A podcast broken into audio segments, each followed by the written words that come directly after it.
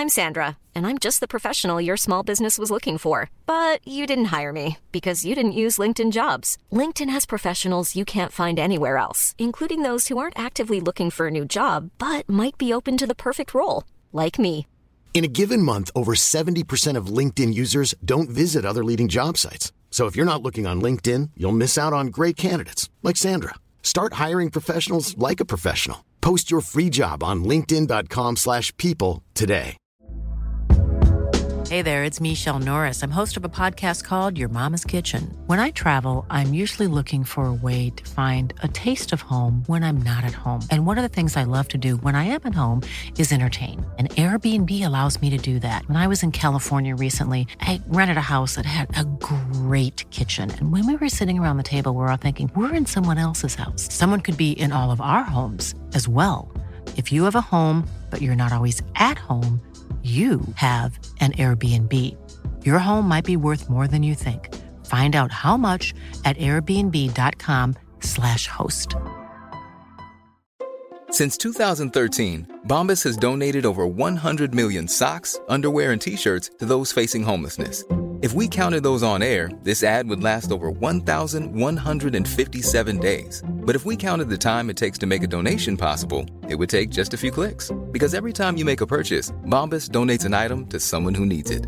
Go to bombas.com slash ACAST and use code ACAST for 20% off your first purchase. That's bombas.com slash ACAST, code ACAST.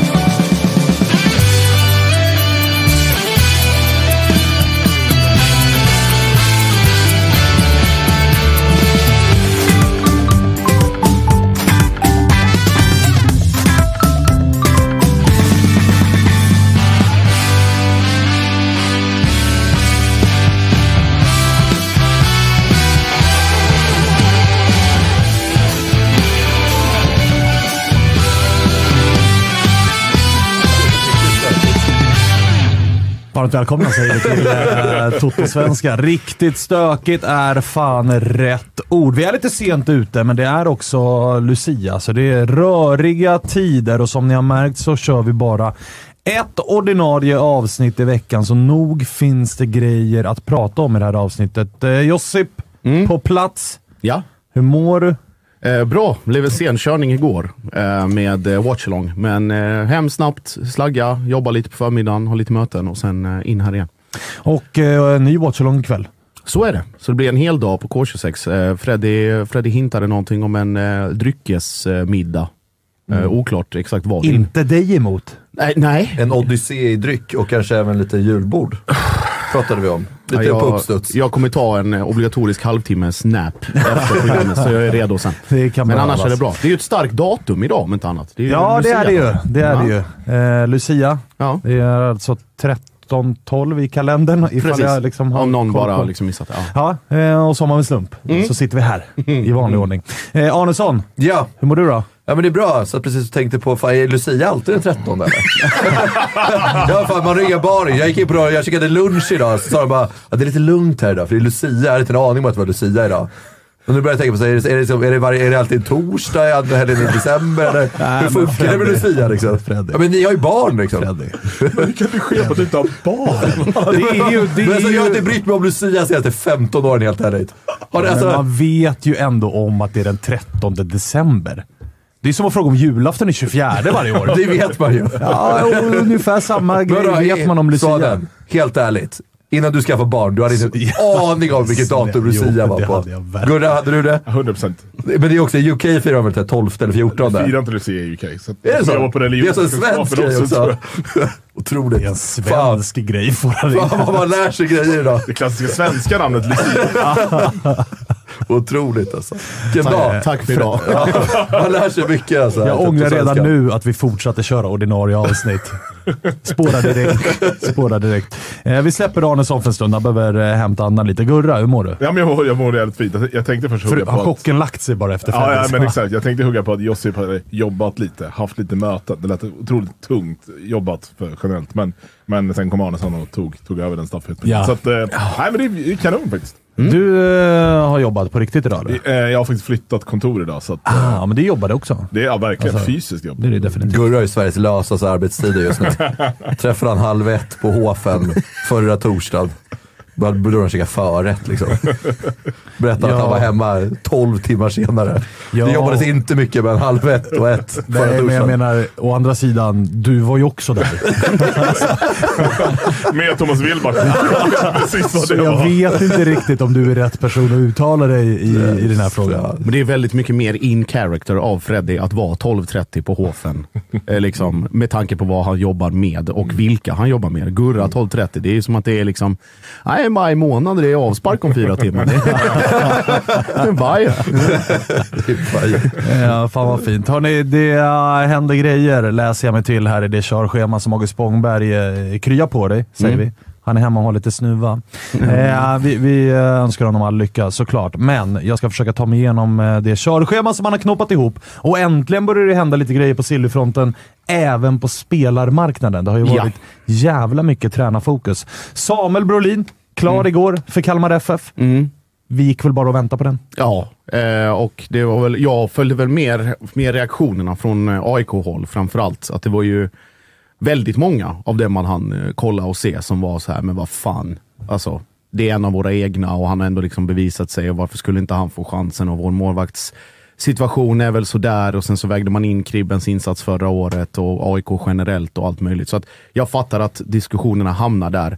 Sen också så här AIK, vi har pratat om den här målvaktsfrågan innan. Jag tror att Brolin förstod väl också ganska tidigt själv, framförallt i somras när man liksom fick veta mellan raderna att AIK släpper, släpper inte honom utan han finns kvar tillgänglig eh, våren ut och sen så får man väl brösta en bossman om det nu skulle bli så. Sen fanns det ju snack då om någon eventuell förlängning och sådär men han är ju i en ålder där han behöver spela. Eh, han har uppenbarligen presterat på den här nivån tidigare. Han har ju liksom varit i, i landslag också. Så att komma till KFF och dessutom bli given etta efter eh, Ricardo Friedrich känns ju också som, som en match hur gammal är. Brolin? 23. 23.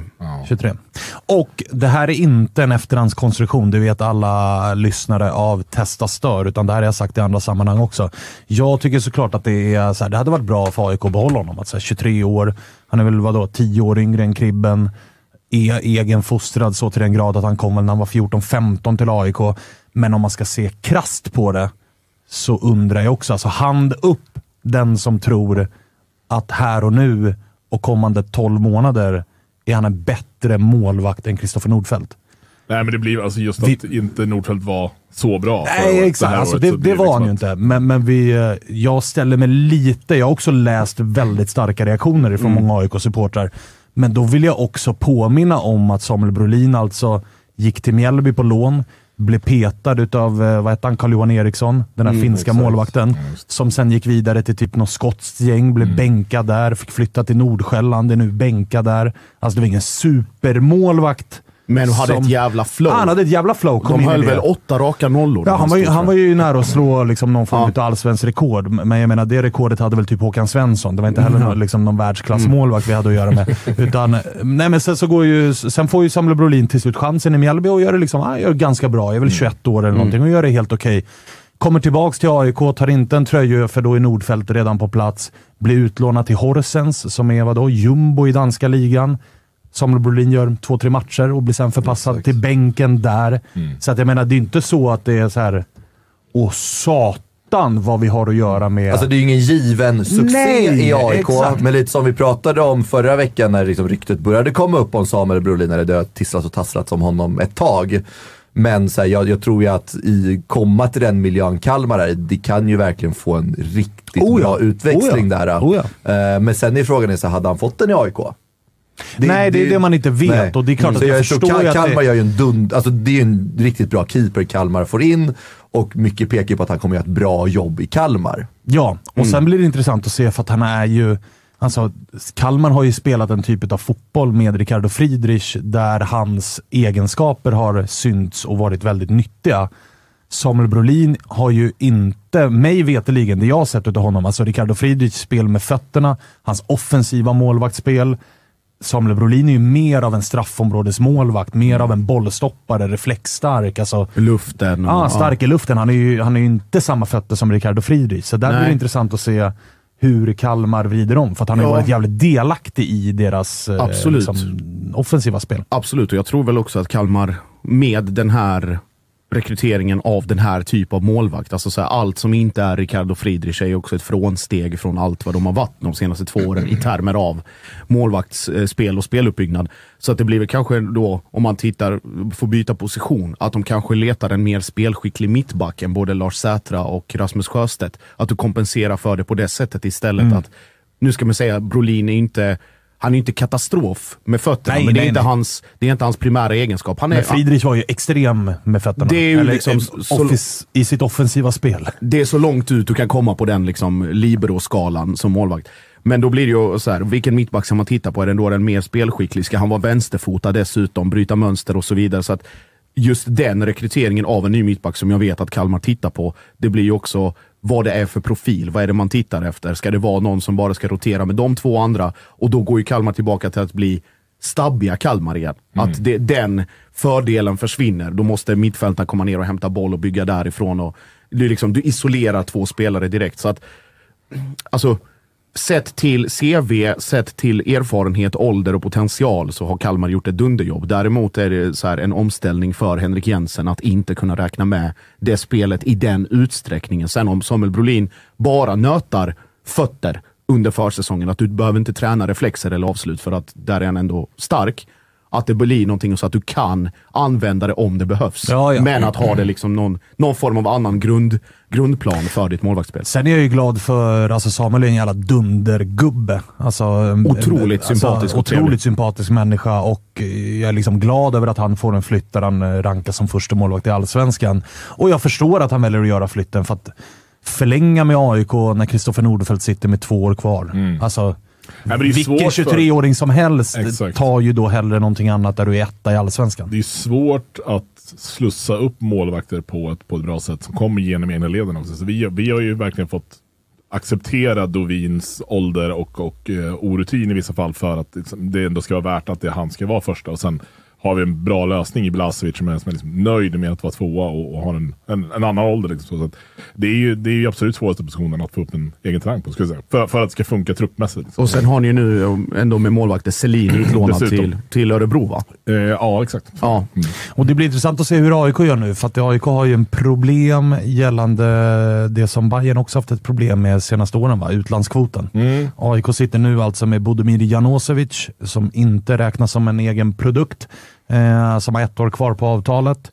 Och man ville ju behålla Samuel Brolin, det var ju Berntsen tydlig med. Att vi har erbjudit ett kontrakt, vi vill gärna ha kvar honom. Och du vill ju liksom inte bränna en utländsk kvotsspelare på en andra slips. Nej, sant. Det är liksom onödigt. Sant. Och det är Så också- att, det blir intressant att se hur AIK löser det. Ja, samtidigt har du ju då, om du, har, om du hade det lyxproblemet i Bayern att det kommer upp liksom egna, Blaževic räknas väl också som halvt egen på något sätt, han har varit där i hundra år. Eh, Men och Dovin och Selin då som också handplockas, eller nu med AIK, AIK, det som kommer underifrån, det är inget wow av det man har förstått att liksom målvaktssidan är inte, liksom om man tittar P19 och, och neråt, det är inget, inget där som imponerar något nämnvärt. Hittills i alla fall. nej. Så Och där då är det behöver också man fundera. Ja, jämfört med Malmö som, vad heter det, skjuter ut tre målvakter till andra klubbar per år. Hade vad var det, Viktor Andersson igår till, eller i morse till Värnamo officiellt. Och sen har man då ytterligare tre man som är någonstans där ingen vet riktigt. Så att, ja. Vidrigt är det. Men du Svanen, om, om läget hade varit annorlunda då med Nordfeldt, att det hade varit liksom hans, alltså hans kontrakt går ut den här säsongen. Ja, då är helt hade, annan hade du vetat att vi ska ha kvar Brolin då och satsat på honom eller hade du vetat att AIK skulle plocka in en ny första keeper? Bara hypotetiskt. Mm, alltså med tanke på... Jag tycker att Kristoffer Nordfeldt har fått alldeles för mycket kritik den här säsongen. Mm. Jag kan inte på rak arm minnas liksom stora tavlor som han har gjort. Jag tycker absolut att han borde ha räddat någon boll mer. Jag har absolut suttit och liksom rivit mitt hår över att han ibland har en tendens att frysa fast på linjen, framförallt i inläggsspel. Att så här, gå ut, du vet att du får använda händerna. Du blir alltså två och en halv meter lång när du hoppar och håller på.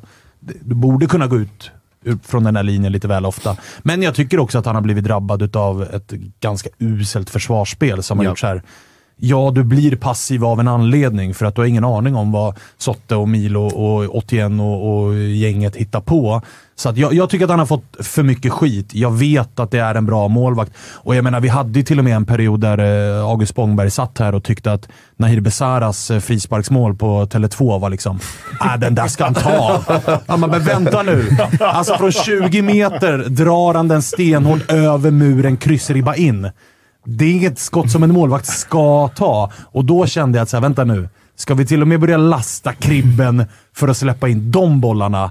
Ja, då är det snarare fel på oss som tittar än på den faktiska målvakten. Så att jag tycker att han har oförtjänt, eller fått oförtjänt för mycket, eller oförtjänt mycket skit. Mm. Och det är exakt en, en situation som eh, sammanfattar allt det du säger ganska bra. Det är ju mot Elfsborg. Den här bakåtpassen som där ingen vet vad de ska göra och Ja. sen så försvinner den åt sidan och sen är det mål. Vad är det? Efter en minut? Ja. Elfsborg hemma. Och där, är, där, som du säger, han blir ju lidande av att Sotte inte haft sin bästa säsong. Milo har långt ifrån haft sin bästa säsong. Tideman Hansen har kommit in, så att det har varit en sån jävla rotation där inne och då med spelare som letar efter formen lika mycket som, alla, som hela laget gör det. Sen lider ju Kribben av samma syndrom som jag tycker att exempelvis eh, Dovin har. Att de har en uppsyn som inte... Alltså, man vill ju att en målvakt som släpper in en boll ska liksom, han ska bli vansinnig, han ska skrika på mittbackar, han ska kasta någon vattenflaska. Både Dovin och Kribben har ju den här att har de släppt in ett mål så ser det nästan ut som de har sålt smöret och har gått vilse på vägen hem och det regnar ute. Det finns de är två, här- två sidor det. Ja. För om, om de gör en jävligt fet räddning så tycker man det är jävligt coolt hur de bara ser helt oberörda ut. Inte sig. ja, ja. Alla behöver inte vara liksom Jordan Pickford så, som bara går Nej, loss precis. på vad som helst. Men, Men, men jag, det, jag Jordan. Pickford skaffade sig liksom en landslagsplats i det engelska landslaget av att vara arg. Exakt. Ja. Det, Så här, det- det egentligen funkar är du ganska dålig. Men, men, 1,60 lång när han sträcker Ja. ut sig. Liksom, så att, eh, nej, men jag fattar vad du menar. Eh, och där, helt med dig på, på Dovin att han har nog fått mer skit ibland för att det, det verkligen ser ut som att han inte bryr sig. Utan det är liksom, ah, ja, nej. ja, och jag menar, de har ju inte heller det här Widell Zetterströmska. Exakt. Att skott som går mitt på Alltså, flaxar jag bara lite med benen så ser jag ut att ha gjort världens räddning och så blir jag över. Alltså, då blir jag nästan såhär, oh jävlar vilken målvakt. Och då Man menar du att det är mycket tv-räddningar? Ja, men det, det flaxas, det flaxas lite. Alltså, och då, då får man intrycket av att, oh satan, Vilken jävla räddning. jävla räddning. Ofta man står där och så ser de där grejerna. Ja. Jävlar. och så ser man reprisen och bara...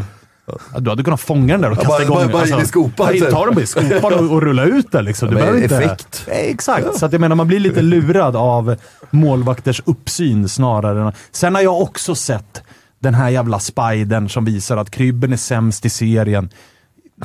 Okej, så ser eh, målvaktsspidern ut.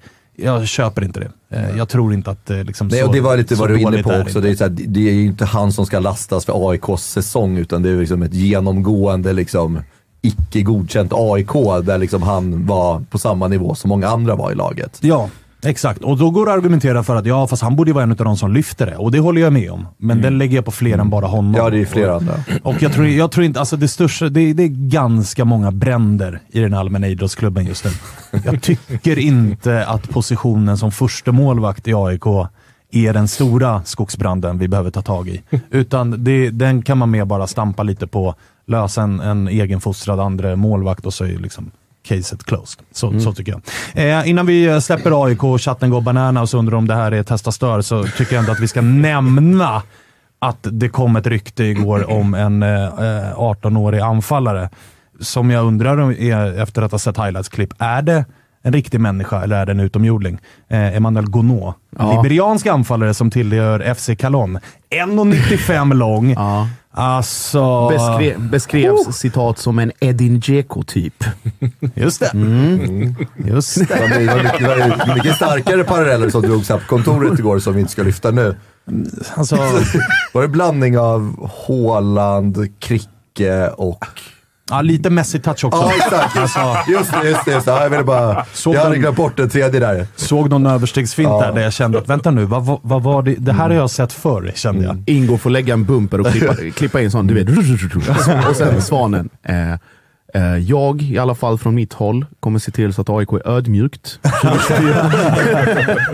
nej, men, nej, men jag, jag är, eh, om jag ska vara ärlig så är, så är jag glad att AIK återigen eh, tar upp en tråd där man faktiskt är nere och scoutar och faktiskt nere och, och liksom jobbar aktivt.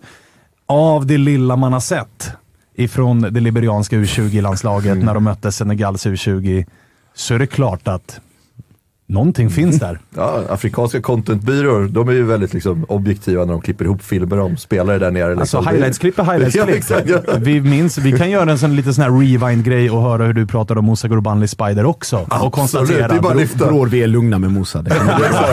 Ja, jag som sitter i Mosabåten. Nej, men konstatera bara att Emmanuel Gonod, mm, Jag ska, Det räcker lite. mm, det rycker På lite. ja. på tal om afrikanska contentbyråer, jag kommer ihåg när Silas blev klar för, för Mjällby. Fanns ju för fan inte ett foto man kunde ta någonstans och bara så, vem i helvete är detta? Och så hittar man ett sånt, du vet, best off-klipp. Alltså det är potatiskvalitet på varenda action, så ser man att bara någon, någon gör mål. Ingen vet vem det är, men det ser ut som att det är Silas för att det ligger i hans video. Så då fick man, köpa det, men å andra sidan, det levererades mål fram till knät gick. Ja, ja. Alltså Silas var, Silas. var otrolig. Fyllde, fyllde 18 igår. Eller häromdagen. 18. Nej, 20. Men, Men, eh, Han ska till bolaget nu, just det. Det var någon som skrev. det är klart han ska det. Men eh, 20 år, Gonod, 20. surras om någon övergångssumma där? Har det liksom Jag, bubblat upp någonting kring det? Eh, alltså övergångssumma lär väl bli väldigt... Han spelar i liksom FC Calon i Sierra Leone. Men Mohamed Kalon, det är ju en riktig jävla affärsman. Jo, det är inte lätt ja, men det kommer, det kommer bli... Men du ska det, det matchas bli i division väldigt 6 lite. nästa år med Kenny Pavey, eller var ska ni, var ska ni spela honom? Ja, alltså jag funderar på om jag ska lira sexa nästa år faktiskt. Så att jag får känna lite på, på Gonod. Eh, nej, men han, han eh, något litet lån. Ja. Vasalund, kika på det första året Mm. kanske.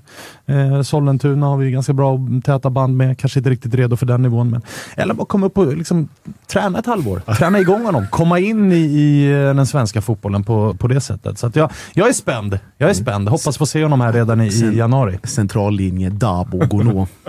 Mm. Vad är det för fel på den då? Ja, jag, tell me. Vad är det för fel Nej, på jag den? bara, jag bara konstaterar att det är det, så det Eh, ser vi ut. får väl se om det blir klart eller om det ska provspelas eller, eller vad det nu ska bli. Men det är i alla fall typ det enda som händer i AIK-lägret den senaste veckan. Det har varit lite rykten om norska eh, spelare, men eh, de slås ju ner ganska hårt. Jag, prat, eller jag läste en Kanske Thomas Berntsens bästa intervju sedan han kom till AIK, läste jag i Fotboll Stockholm igår. Där han är väldigt öppen och tydlig och rak med väldigt många grejer. Och där var han till exempel inne på att så här, några fler norrmän blir det nog inte. Nej. Det, alltså, för mig är det just nu utländska spelare och den kvoten är ganska, ganska full av spelare som ska in i ett A-lag. Den där Näsberg i mittbacken till exempel, det, det tror jag bara är någon agent som har försökt eh, plantera. Ja, nere i PAK. Däremot garvade jag för att eh, vi hade ju Stian eh, De Waal här, norsk eh, Silly-journalist, som nämnde de här två namnen. Eh, den här spelaren från Molde, som jag inte har namnet på nu. Mittbacken som varit korsbandsskadad. Och eh, Koulibaly pratade vi om sen innan och sen var det ju då en annan, Norrbagge, som också var aktuell. Eller jo, jo just det, eh, Jostein Gundersen eller någonting från Tromsö. Och så var det svensk toppklubb. Gick ju såklart två och en halv timme. Eh, och sen var båda eh, avslöjade av Expressen att eh, finns intresse från AIK. Där och att Häcken vill ha den här. Ja, Okej. Väldigt roligt. Man var inte jättesugen annars på den här eh, Ellingsen, Martin Ellingsen. Ellingsen. Ellingsen heter han. Alltså drog korsbandet och var borta 650 dagar. Då kände man att nej, Perfekt för nej. Två år! två år. Helvete. Aj, Klart det är aj. rehab. Eh, det får man lov att säga. Eh, ska vi röra oss eh, till eh, andra ställen i Stockholm, nämligen eh, Kaknäs. Där det ju, Cacanello. där det ju blev, blev klart, på tal om målvaktsposten, Malcolm Nilsson Säfqvist. Var, var eh, alltså förvånad? Alltså det surrades ju lite om det förra året eh, redan att så här, Malcolm eventuellt skulle komma upp till Djurgården. Eh, bubblade lite kring det. Eh, jag tror det var Musko även som kanske bekräftade det. Eh, så att, så att det, det har, Blåvitt, Blåvitt har ju varit där också. Ja, så det har ju ändå bubblat lite kring honom tidigare.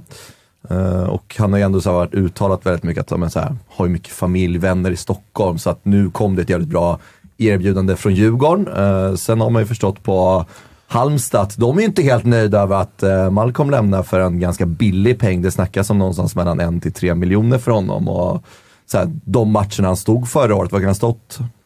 15-20 matcher, ändå 6 nollor i ett Halmstad som eh, ja, är, är Halmstad liksom. Så att eh, det, är väl en jävla liksom, förstärkning till Djurgården. Eh, och nu när vi har blivit av med Vajo som andra slips så är det väl ett jävla liksom, jack uppåt i eh, hierarkin och också kul för Jakob Widell Zetterström att här, få en ordentlig match nere på Kaknäs också. För att alltså, all, all cred åt Tommy Vaiho, men han kanske aldrig har räknats som en första målvakt nu senaste liksom, säsongen i Djurgården. Jag tror Malcolm kan ge Jakob Widell Zetterström en, en, en match eh, om eh, första slipsen. Sen är det frågan om han är kvar. Ja, jag tänkte, Eh, jag tänkte när- komma till när det. Att, över. vad, alltså, skickar inte lite signaler om att uh, Jakob är på väg att säljas? Så att vi menar, vi behövde ju få in en målvakt till, så Ja, det, det, så det, är har det ju. ändå, ändå varit det uttalat. Men- men det man ändå och sen får- du en bra öppning här på Malcolm som också så här, värderar kanske också så här, det är klart att han vill vara först i slips i Djurgården såklart, men att det finns andra värden för honom också som gör att han kommer upp till Stockholm och nöjer sig med ett, ett avtal och får liksom konkurrera om, om liksom inte den givna liksom, platsen som Mm. första målvakt i Djurgården. Men han släpper ju ändå, med tanke på hur situationerna ser ut just nu, så gissar jag att han hade kunnat gå till Halmstad och vara första målvakt. Häcken har fortfarande inte förlängt med Abrahamsson. Borde inte Kalmar ändå Alltså- funderat på honom? Alltså, Ja, i- och det, det, det, det är det jag menar. Att, och, alltså, AIK behöver en svensk andra Ja, målvakt. exakt. Vill man bara vara andra målvakt så hade man nog kunnat ha lite is i magen. Det här Ja, tycker jag skickar lite signaler om att ja, nu har vi ersättaren till Jakob på plats. Ja, exakt. Jag, jag har bara Mm. antagit att Widell är liksom på väg. Alltså det, det, har, det, har inte, det har inte surrats någonting alls Nej, kring ingenting. honom. Ingenting. Eh, Men så- när man så- lägger pusslet i sitt huvud så är man ju såhär, ja då säljer ni väl Jakob då? Exakt, och sen så, så här, har vi också så här, en annan Jakob, Jakob Rinne, vars kontrakt går ut i sommar.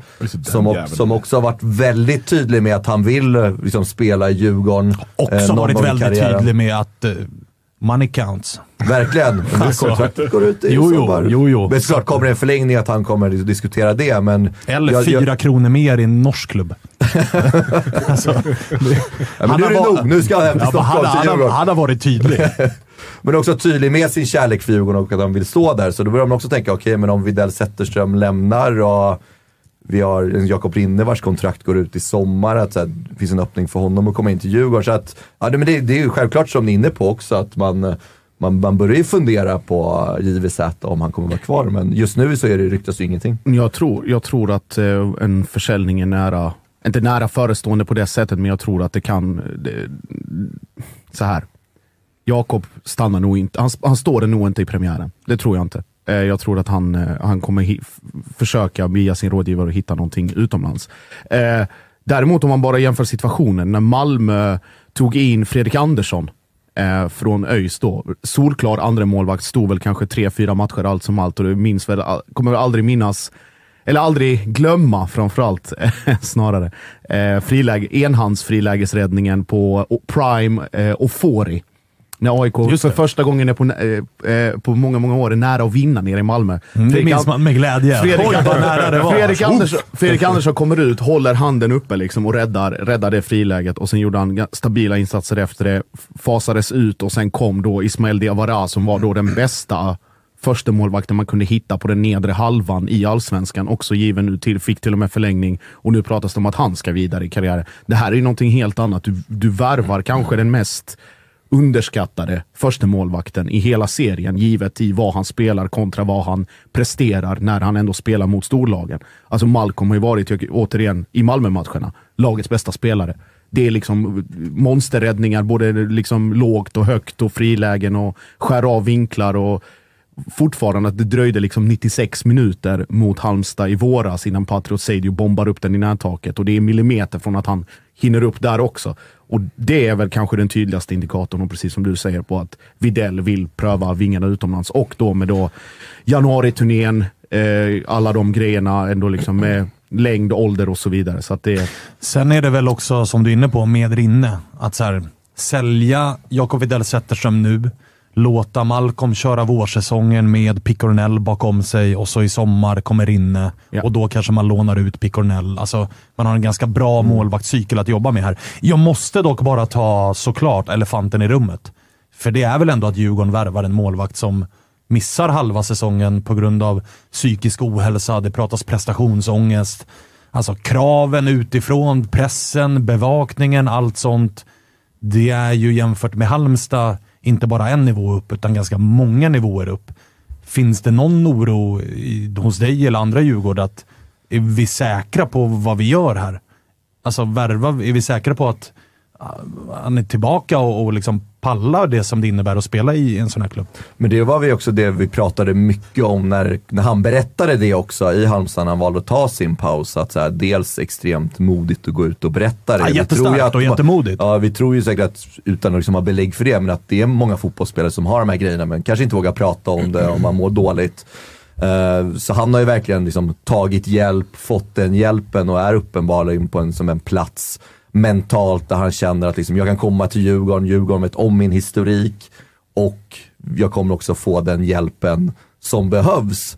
Och jag tror också att han kan bli en typ av person i ett omklädningsrum i Djurgården där man kanske, om man känner att man har de här grejerna själv som spelare i Djurgården, så här, fan, vi har en spelare som upplevt det, jag kan prata med honom. Så jag tror också det finns en effekt i det, att få in en spelare som har varit med om det, som nu har landat någonstans i en situation där jag kan gå till en ny klubb, som du är inne på, mycket större press att spela i Djurgården än i Halmstad. Men det visar ju att han är ju någonstans liksom tillbaka mentalt, han är redo att ta sig an den här utmaningen. Och där har Djurgården också varit extremt tydliga med att så här, känner du minsta liksom, indikation på att det här börjar komma tillbaka så har vi hjälpen på plats redan nu.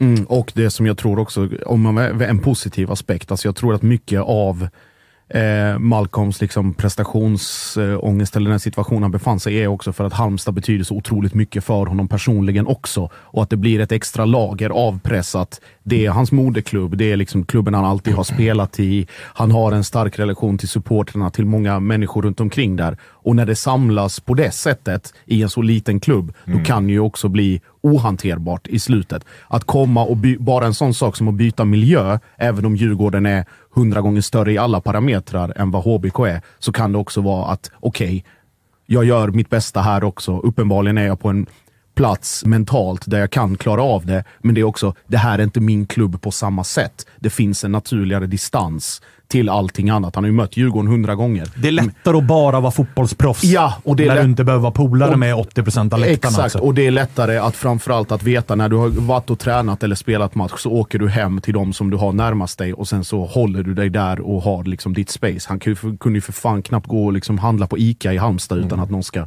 komma Alla fram och vet fråga. vem det är som Så, kommer här Ja. och frågar hur man mår. Och Exakt. sen så, som du var inne på också, alltså Picornells kontrakt går ut nu. Så att så här, Ah, det kan ju också mycket väl bli så att drar JVZ i vinter, då har vi inga målvakter kvar från säsongen som gick. Vaiho har lämnat. Picornell pekar mycket på att han kommer lämna Djurgården. Jag tror till och med att de har uttalat att han kommer lämna Djurgården. Eh, Aha, och sen om okej. JVZ drar, då står har vi bara med, med en keeper. Så att man uppskattar ju också att så här, Bosse säkrar upp nu också. för om, om det blir som liksom en Hampus Findell situation där man känner att okay, du, du är näst på tur att lämna, men det kommer inga bud.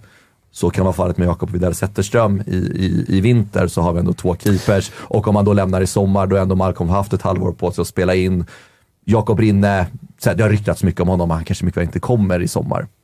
Men så här, oavsett så måste vi få in målvakter. Ja, så är det definitivt. Och jag vill bara vara tydlig med att jag hoppas ingenting annat än att Malcolm mår eh, jävla toppen bra och har lagt Ja. eh, det där bakom sig. För det är inte bara en bra jävla målvakt, det är också en jävla toppenmänniska. Otroligt Verkligen och- ska och bli trevlig. grymt att få in han i, i vårt omklädningsrum eh, i Djurgården. Och jag tror också lite som jag var inne på, att det betyder mycket att få in en sån spelare som har upplevt det här, som man kan också prata med om det. Så man kan gå till honom. Vi ska, ringa, vi ska ringa Musko och kolla, för att det var ju en nyhet som Kokar inte... där nere. Ja, men den togs ju inte emot jätteväl med tanke på att Halmstad väljer att sälja liksom en stor fanbärare och en supporterfavorit och, och allt det där. Och dessutom för uh, vad Halmstad-supportrar då kan tycka, ganska lite pengar. Vi får väl se. Musko, hur är läget? Ah, fy fan. Ja, okej. det är så illa alltså. Fy fan. Ja, nej, jag lyssnade lite på er här innan. Eh, Jag har krypit in här i ett gott litet grupprum eh, och sörjer. Eh, nej, men det, det är klart att det känns ju tungt som fan med, med Malcolm. Det är inte kul alls. Enligt mig våran absolut viktigaste spelare de senaste två, nästan tre säsongerna och ska nu spela i diffen. Det känns ju inte alls kul. Vad, eh, liksom, hur var initiala reaktionen? Blev du förvånad över att det här blev av? Eller liksom, hur började det tisslas och tasslas innan det blev officiellt? och sådär? Ta oss igenom liksom, senaste tiden. Nej, men det, det, det senaste jag hörde eh, från Malcolm var ju liksom att eh, han kände att efter de här två sista matcherna när han satt på bänken, tillbaka, eh, att det var liksom viktigt för honom inför säsongen 2024.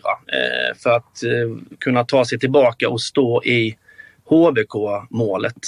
Eh, så det här kom ju från fan ingenstans. Jag har inte hört det från, från någon innan, inte ens eh, ett litet embryo till att det här skulle vara på väg. Och när det väl slog ner så slog det ju ner som en eh, jävla bomb för alla oss som eh, älskar eh, HBK. Liksom. Eh, och sen när man får reda på att han då vad det sägs har gått för någonstans mellan en till tre miljoner, då är man ju liksom så här, bara, men vad fan håller HBK på med? Alltså, jag fattar all respekt till, till Malcolm som eh, kanske behöver en nystart i en annan klubb och vill testa ett Stockholmsäventyr och allt sånt där.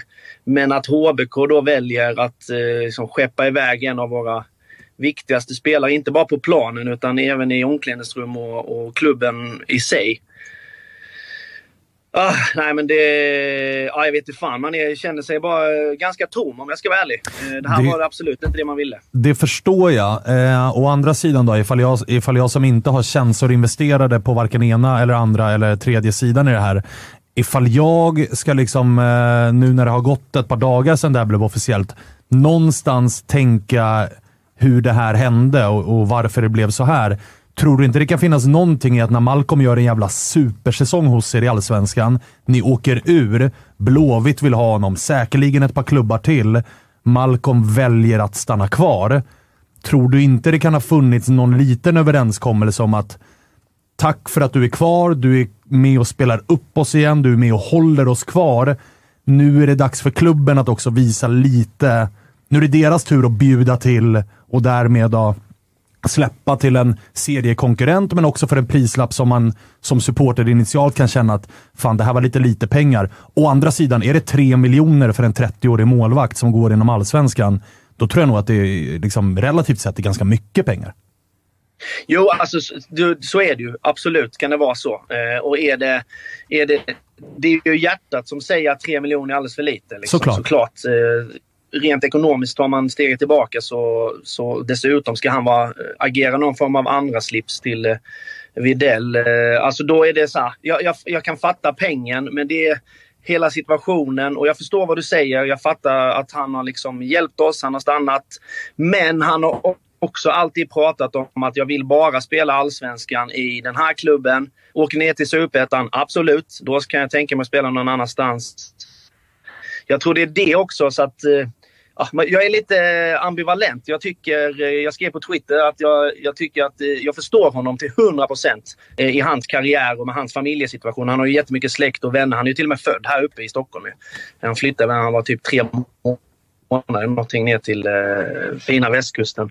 Men, så. så det förstår jag, men samtidigt så blir jag ju knäckt som supporter. Att, eh, att han, eh, som man trodde hade det största Halmstadhjärtat. Vilka han fortfarande säkert har. Det är inte det jag säger, men man blir ju, man är ju ledsen liksom. Det är ju, fan, det är inte kul det här. Eh, Musko, jag tänker på dels reaktionerna från supporterhåll. Har det varit ensidigt eller på något sätt, alltså vems parti man tar eller sådär? Eller, eh, och då, har du hört någonting om hur diskussionerna mellan Malcolm och eh, Halmstad har gått? Har det varit friktionsfritt eller vad, hur ser det ut där? Nej, men eh, om jag tar först det med supportrarna så är det väl övervikt på att folk är besvikna. Eh, sen att folk överdriver och, och kallar Malcolm massa idiotgrejer och säger att han eh, är Judas ditten och datten. Det är liksom känslor som, eh, som inte alla vi kan styra över på så sätt. Eh. Men det har också varit många som är inne på den linjen som jag är, att man är lite tudelad. Man förstår eh, Malcolm. Eh, han har ju sin historia med sin psykiska ohälsa och, och allt det där. Det där. Så det, man vill ju bara honom gott även inom supporterled. Men jag skulle säga att eh, det är ja, inte 50-50 kanske, men eh, 60-40 mot att folk är förbannade på 60 då och 40 att folk fattar det. Mm. Eh, Tror och sen vi... snacket mellan Haglund eh, och, och HBK vet jag har varit, eh, och enligt Malcolm själv eh, så kom ju det här lite, liksom dampte ner lite i, i knät. För han var väl på väg till Eh, han skulle väl till, eh, på någon semester med lite HBK-folk och sen så ringer Haglund och berättar för Malcolm att det här budet har kommit in. Eh, men han har hela tiden pratat med Haglund som att vi kör 2024 i HBK. Eh, han hade ju tre år kvar på sitt kontrakt. Eh, och sen så enligt Malcolm då så dök den här chansen upp och eh, HBK tyckte att budet var vettigt. Så att det skedde jävligt snabbt. Så att jag tror inte de har haft någon längre diskussion om det. Men eh, för, så, som jag har förstått det så har det gått jävligt fort när väl, när väl frågan kom. Liksom. Så att, eh, ja, jag vet inte fan riktigt. Hur tror du eh, mottagandet på stolta Örjans kommer bli när Malcolm är, är tillbaka? Nej, fy fan alltså. Det är jag. Usch. Jag blir Bara nästan kärlek. lite rörd här. Vad sjukt.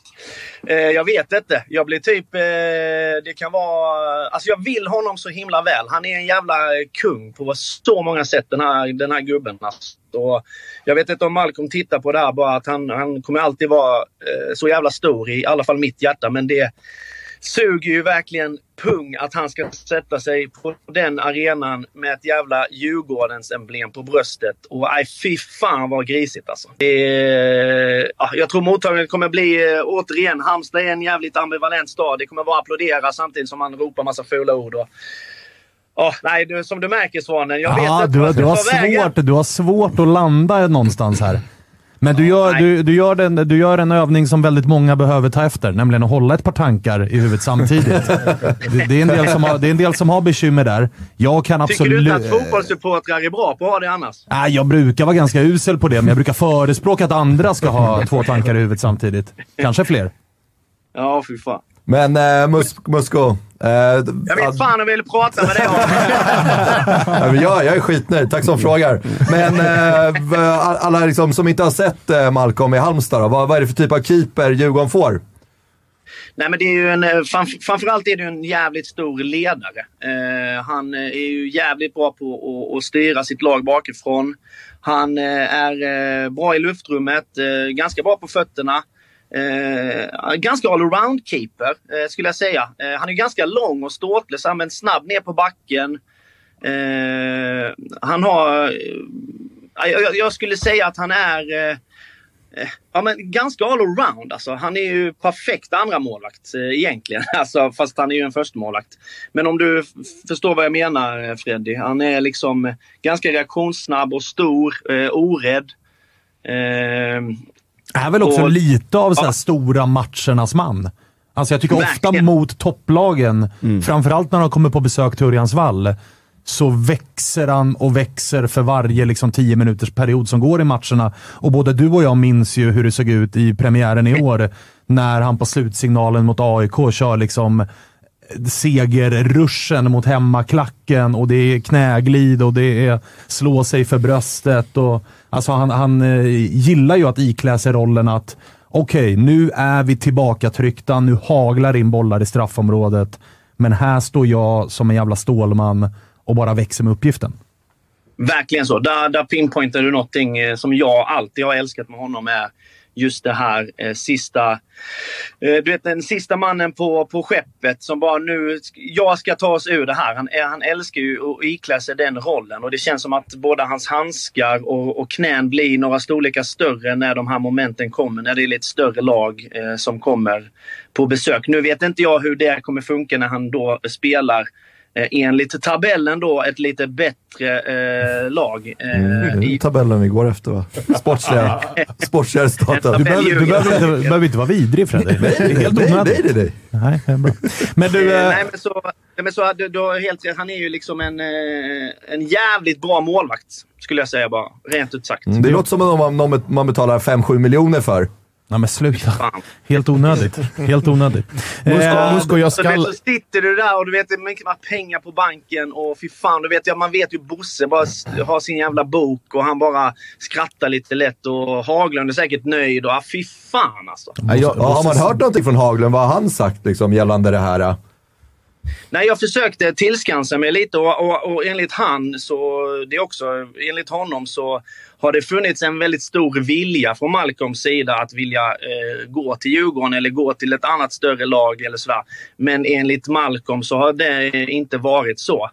Eh, så jag vet inte riktigt vad Haglund eh, surrar om eh, på det sättet. Eh, sen, sen dess har jag inte hört så, så mycket mer om det faktiskt. Men du Musko, det finns ju, jag förstår att det är ett ganska öppet sår, men på det såret finns det väl bara ett plåster att sätta och det är väl Isak Pettersson? Ja, bara. Det, det är det enda, som, eh, det enda som finns just nu. Ja, och jag menar, skulle det vara Isak Pettersson är bossman. Ni fick nyss in, säg att ni fick in ja, men, två miljoner då. Det är precis mitt emellan ja. ett och tre.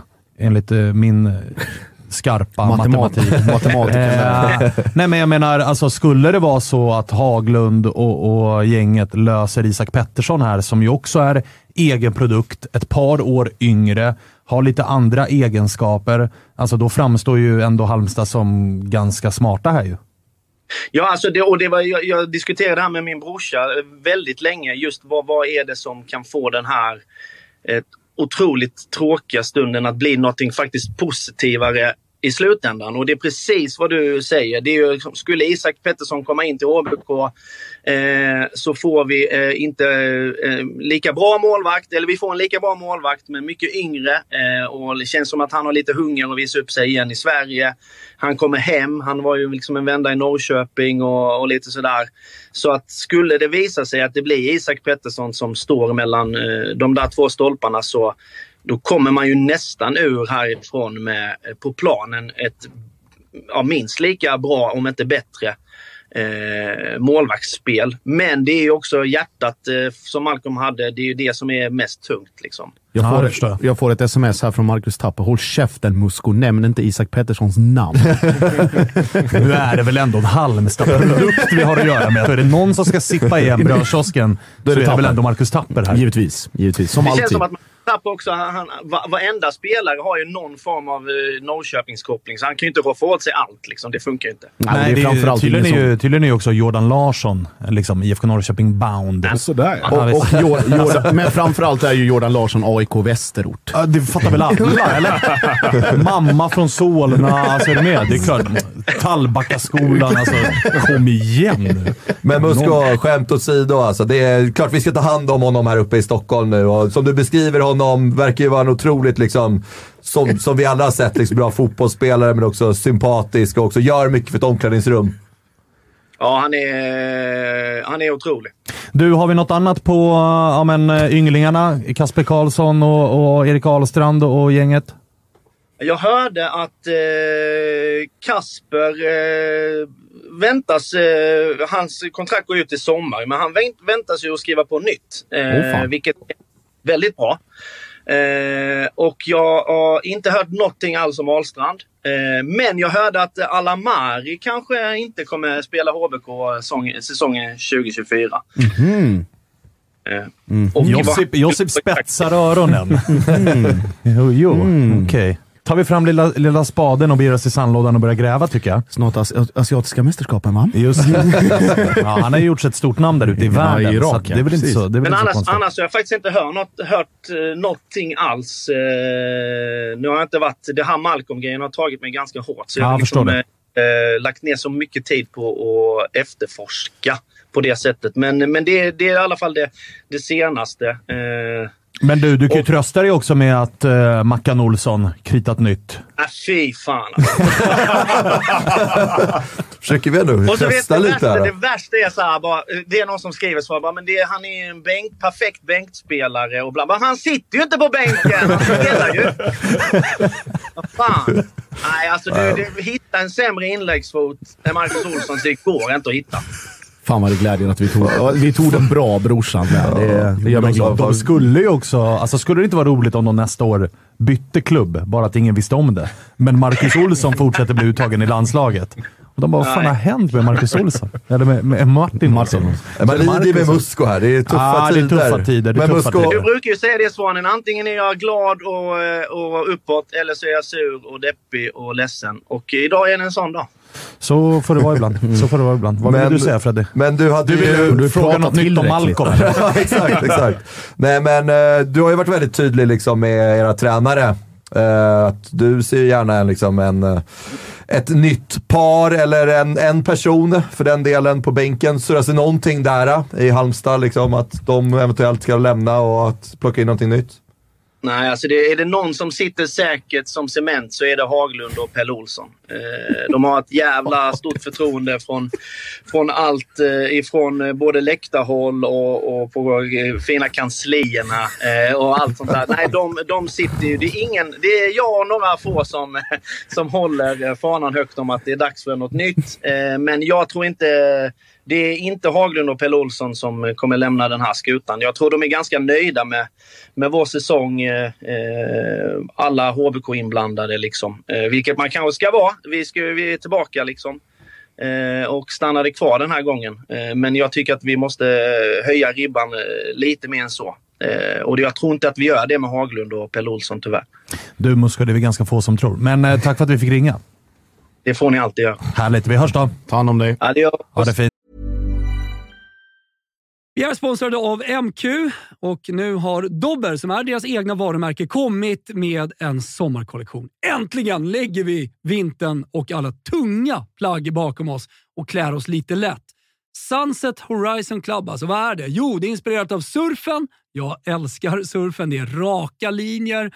Det är eh, inte de här tajta plaggen, utan det är, det är lite mer luftigt. Och det kommer också i en eh, rad olika material, eller hur? Ja, men så är det. Det är ju eh, tencel, det är linne, det är lite jordiga toner eh, och eh, vad gäller plagg då så är ju de eh, knälånga stilrena shortsen såklart med oss. Vi har skjortor med print och broderi mm. samt det som jag kanske föredrar mest av det här, set i form av shorts och overshirt i liksom samma stil. Och så lite skjorta under det kanske är man redo för eh, lite kärleksfulla eh, sommarkvällar, Thomas. Mm, som ni hör, eh, det finns en hel del att kolla in i Sunset Horizon Club som alltså är Dobbers nya sommarkollektion. Glöm inte bort Tencel, som alltså är mitt favoritmaterial som utmanar bomullen. Det är...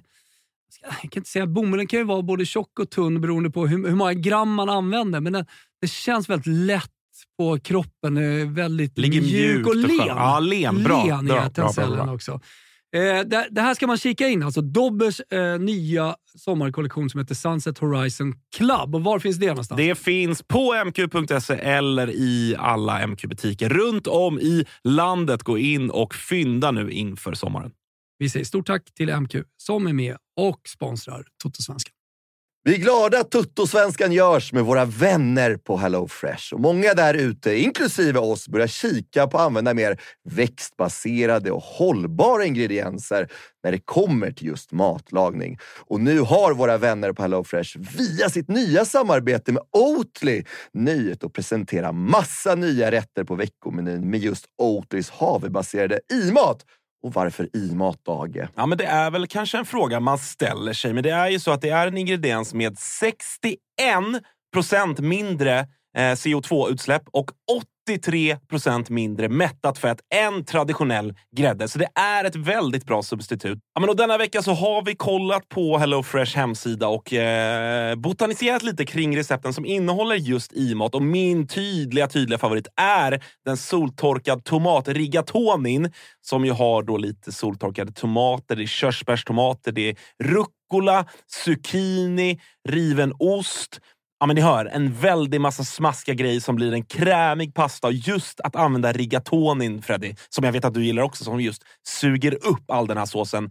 Mm, den är en favorit hos mig. Verkligen, och jag gick faktiskt händelserna i förväg och testade redan förra veckan deras medelhavsinspirerade räkgryta med just i matsåsen och sen lite, lite, lite fint långkornigt ris. Eh, och Agge, vi har ju som vanligt en kanonkod också med våra vänner på HelloFresh. Den, den, den, den hoppas jag folk kan nu. Ja, det är ju Fresh Tutto. Du får upp till 1359 kronor i rabatt på dina fem första kassar om du inte har prövat HelloFresh ännu. Plus fri frakt på den första matkassen. Och det som är så bra, har du inte använt HelloFresh på över 12 månader så gäller koden även dig. Så gå in på hellofresh.se och lägg en beställning på en riktigt fin matkasse redan nu. Testa HelloFresh, testa Oatlys i-mat. Vi säger stort tack HelloFresh.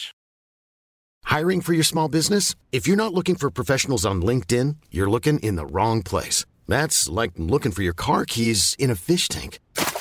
LinkedIn helps you hire professionals you can't find anywhere else, even those who aren't actively searching for a new job but might be open to the perfect role. In a given month, over 70% of LinkedIn users don't even visit other leading job sites. So start looking in the right place. With LinkedIn, you can hire professionals like a professional. Post your free job on linkedin.com/people slash people today. Tja, tja. Ja, hörni, ska vi röra oss till det som blev eh, ändå senaste dygnets stora nyhet? Och då pratar jag inte om Olof Mellberg till landslaget, för den har väl också varit eh, lite semi-officiell ett tag nu. Men det är väl ändå Kim Hellberg till Bayern. Det får man väl säga, eller? Det får man väl ändå konstatera. Det verkar inte bli något Sunderland. Nej, men jävla tur för honom alltså. Eller? Ja, men vilket piss alltså. Fy fan där uppe alltså. Nordöstra. Oh. Total dröm ju. Ja, eller? Stadium of Life. Ja, herregud. Alltså, det där är ju också... Det är ju football manager-drömmen. Ta en gammal storklubb från gärdsgården. Göra en resa genom systemet. Man kan bli nedbruten som människa också tror jag. Det kan, kan gå ett riktigt åt helvete. Jo, men det blir man ju också av football manager. Det är sant. Alltså, det är helt sant. Det är helt sant. Men, eh, men eh, känslan när du nåddes av nyheten att nu verkar det vara eh, klart? Nej, men Josse bekräftade det här till mig för två månader sedan, så jag bara väntade på att alla Det var någon gång när jag var full och vi, vi så här fick något, det var något annat, det var en hornland eller något. Då smsade jag Josip, vad fan är det som pågår Josip? Vad fan sysslar de med? Men då sa Josip, det är lugnt, det är klart. Och det är för att Josip vis, visste att Horneland kommer tacka nej. ändå. exakt. Det, det kommer bli Det går, framförallt går det inte att komma med så snabba brillor till Stockholm. Nej, det är- Det, är- nej. nej. det där ska man hålla i EPA-kretsar har jag förstått. Det är tydligen poppis. Mm. Så här Levis och Dickies kläder och den typen av grejer. Och sen skitsnabba brillor och någon sån monsterkeps eller någonting sånt. Så att, nej, snabba brillor och Bajen, det funkar inte riktigt. Det funkar inte, Nej. så det ser ut att bli Kim Hellberg som också ser ut att få med sig sin assisterande tränare Selini. David? Selini. Daniel Selini. David. Eh, David, eh, precis. Men eh, skönt att det verkar bli på plats innan nyår. Ja, exakt. Ja, Men det är väl det som man har gått och oroat sig för, att det skulle bli någon, någon jätteutdragen process eh, som pågår ända in liksom, på försäsongen och, och, och den biten. Och det hade ju varit en total mardröm skulle jag säga. Framförallt med tanke på hur mycket luckor och tveksamheter det finns i truppen dessutom. Eh, och med hela nya organisationen med, med alla nya gubbar där och det är säkert lite små påvar som håller på att sätta sina sina, eh, vad säger man, juris, ju, ju, ju, ju, vad säger man? jurisdiktioner kan man inte säga, det var inget ord. Men, eh, Jo.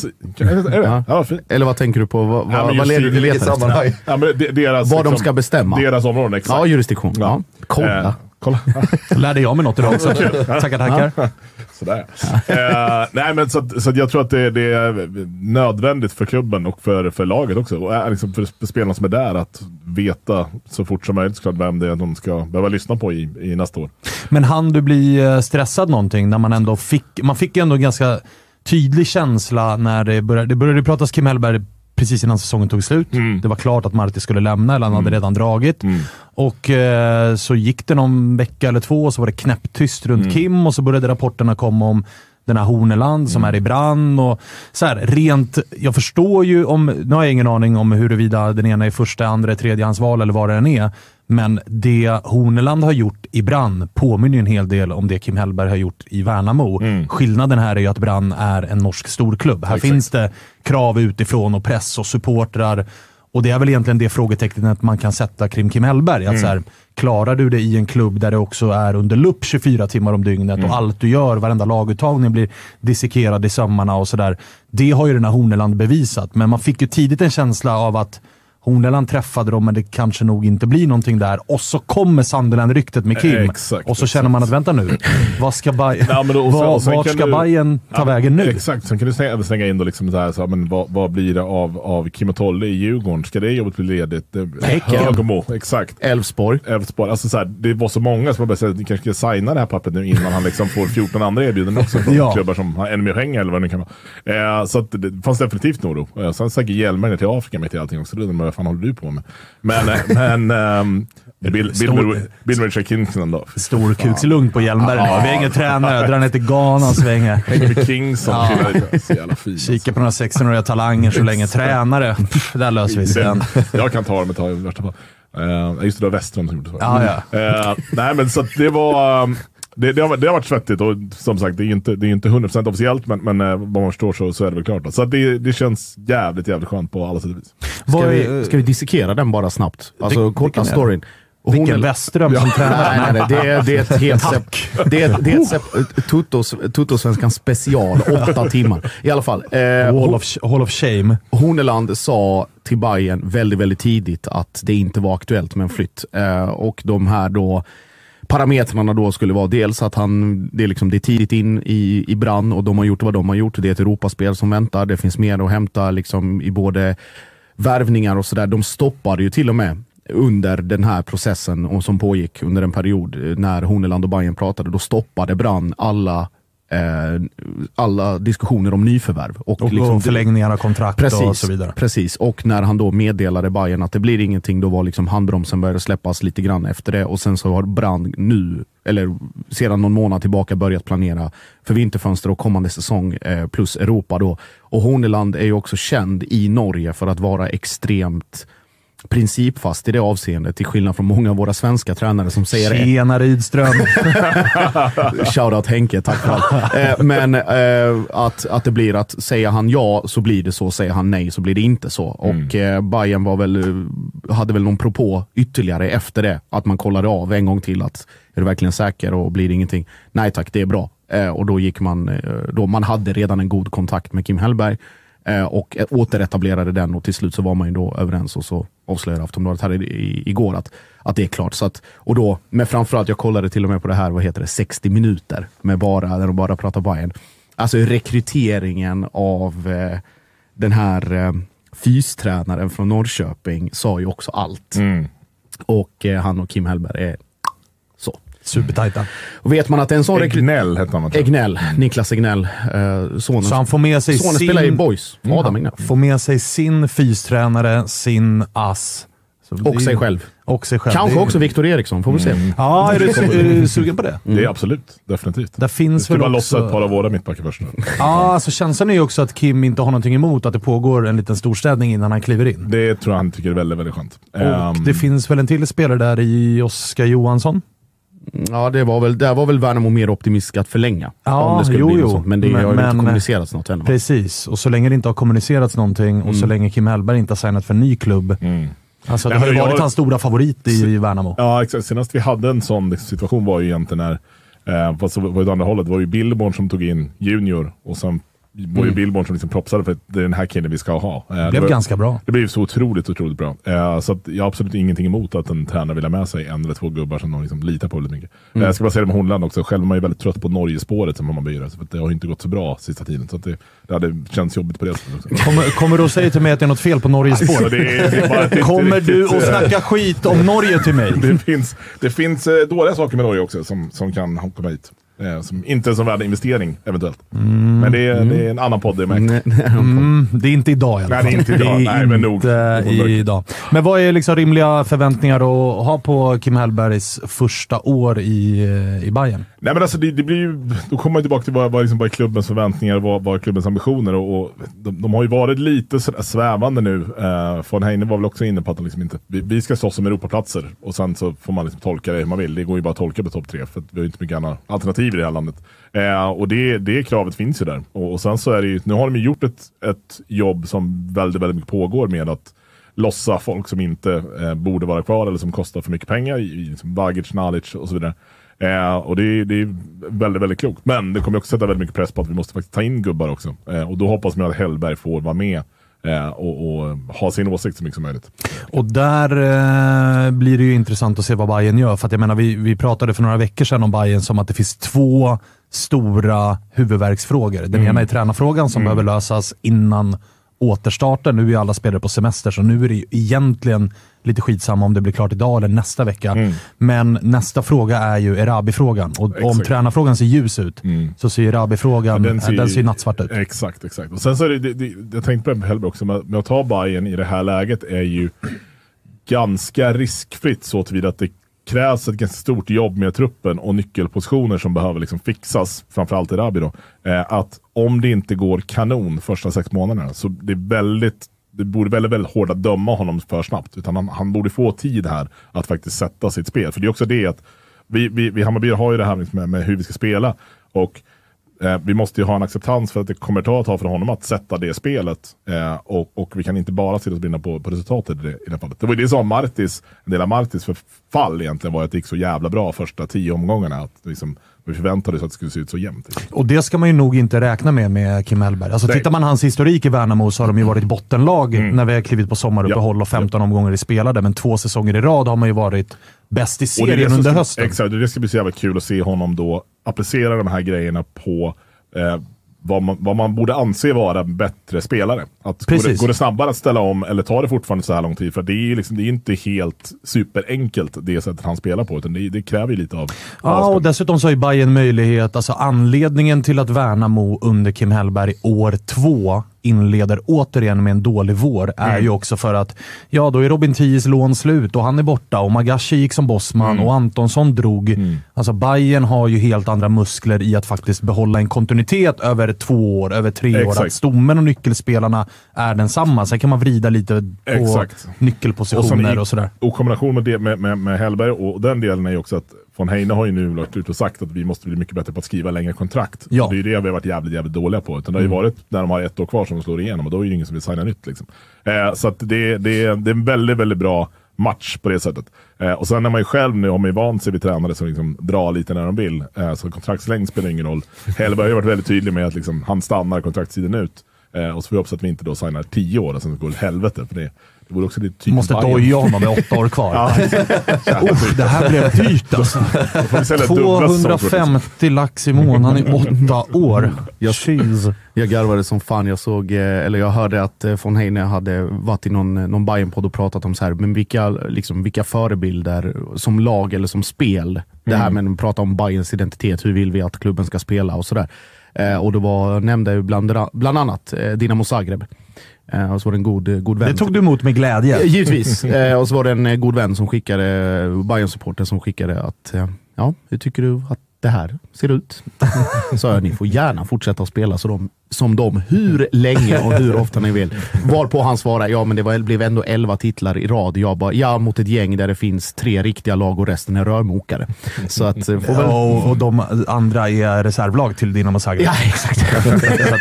Lätt att vinna titlar då. Ja, lite så. Men, Men, Gurra, hur har det tagits emot i Bayernled den här nyheten då? Är det unison glädje eller är det några som liksom känner att fan, vi skulle ha gått för Norrbaggen eller eventuellt något annat namn? Nej, men jag tror att folk har... Alltså, Horneland var väl ingen som folk liksom satt och diskuterade kring matborden innan det kom upp. Utan det var ju en sån här klass att man liksom plötsligt skulle lära sig allt om honom och, och hans sätt att spela fotboll och så. så alla är väl liksom... Hellberg var ju det första valet och är väl liksom den sexigaste tränaren just nu i, i Allsvenskan som eventuellt skulle vara ledare. Så att det är väl eh, enkom positivt ska jag säga. Och där, eh, jag läste ju någon rolig tweet att så här, när det damp ner igår, jag håller ju med dig om att majoriteten av alla, allt man läser, och det är ju framförallt på Twitter, och det är väl inte världens skarpaste knivar alltid i den lådan, men det var någon rolig tweet i alla fall som var så här. innan Hellberg blir klar så är alla pekar på honom som att honom ska vi ha. Och så fort det blev liksom, nu är det klart, då börjar tweetsen komma. Att, Fan, han är ju oerfaren. Han är ju ung. Han har ju aldrig haft ett topplag. Då börjar liksom rädslan komma. till Stockholm. Vänta nu, fan det här händer ju. Den här unga, upp, liksom upcoming tränaren. Nu blir det av. Vad fan ska vi alla har varit skittaggade ja, men det är det som, Sen ska ju folk ha med sig att så här, eh, Marcus Tapper vill ju såklart gärna ha honom till, till Peking och sådär. Och det har ju också blivit lite diskussion på vissa håll att så här, vänta nu, är hypen lite för stor? Att så här, är det Guds gåva till eh, tränaryrket? Och där ska väl också folk ha med sig att så här, det menar väl ingen, men det är väl utav de alternativ som finns där ute. Alltså det är inte rimligt att Bayern plockar eh, Henrik Rydström. Exakt. Men hade Bayern kunnat plocka Henrik Rydström så ja, då hade de nog valt honom, eller Per-Mattias Högmo. Liksom. Men av de alternativ som finns där ute, och framförallt de svenska, då är ju Kim Hellberg det bästa alternativet. Definitivt. Och, alltså att, vi, vi, vi har ju, liksom, man pratar orutin, liksom, så här, von Heine är väl typ 22, nej det är han ju inte. Men, alltså, det är liksom men typ 26. 26. Så att, eh, och sen så jag lyssnade på någon, på någon intervju med Hellberg nu i, eh, i morse när han var med i det här, ja, vad heter det, Möt fotbollstränarna tror jag. Eh, och det är jävligt spännande att höra så här, hur, hur liksom, han är liksom 22 när han valde att "Nej, nu ska jag bli fotbollstränare. Och så har han kört de här liksom, skitåren ner i botten och liksom jobbat sig uppåt. Så att, eh, och han har ju lärt sig att hantera liksom allt från, från yngre spelare till att faktiskt vara väldigt ung själv och träna äldre gubbar eh, och, och den delen.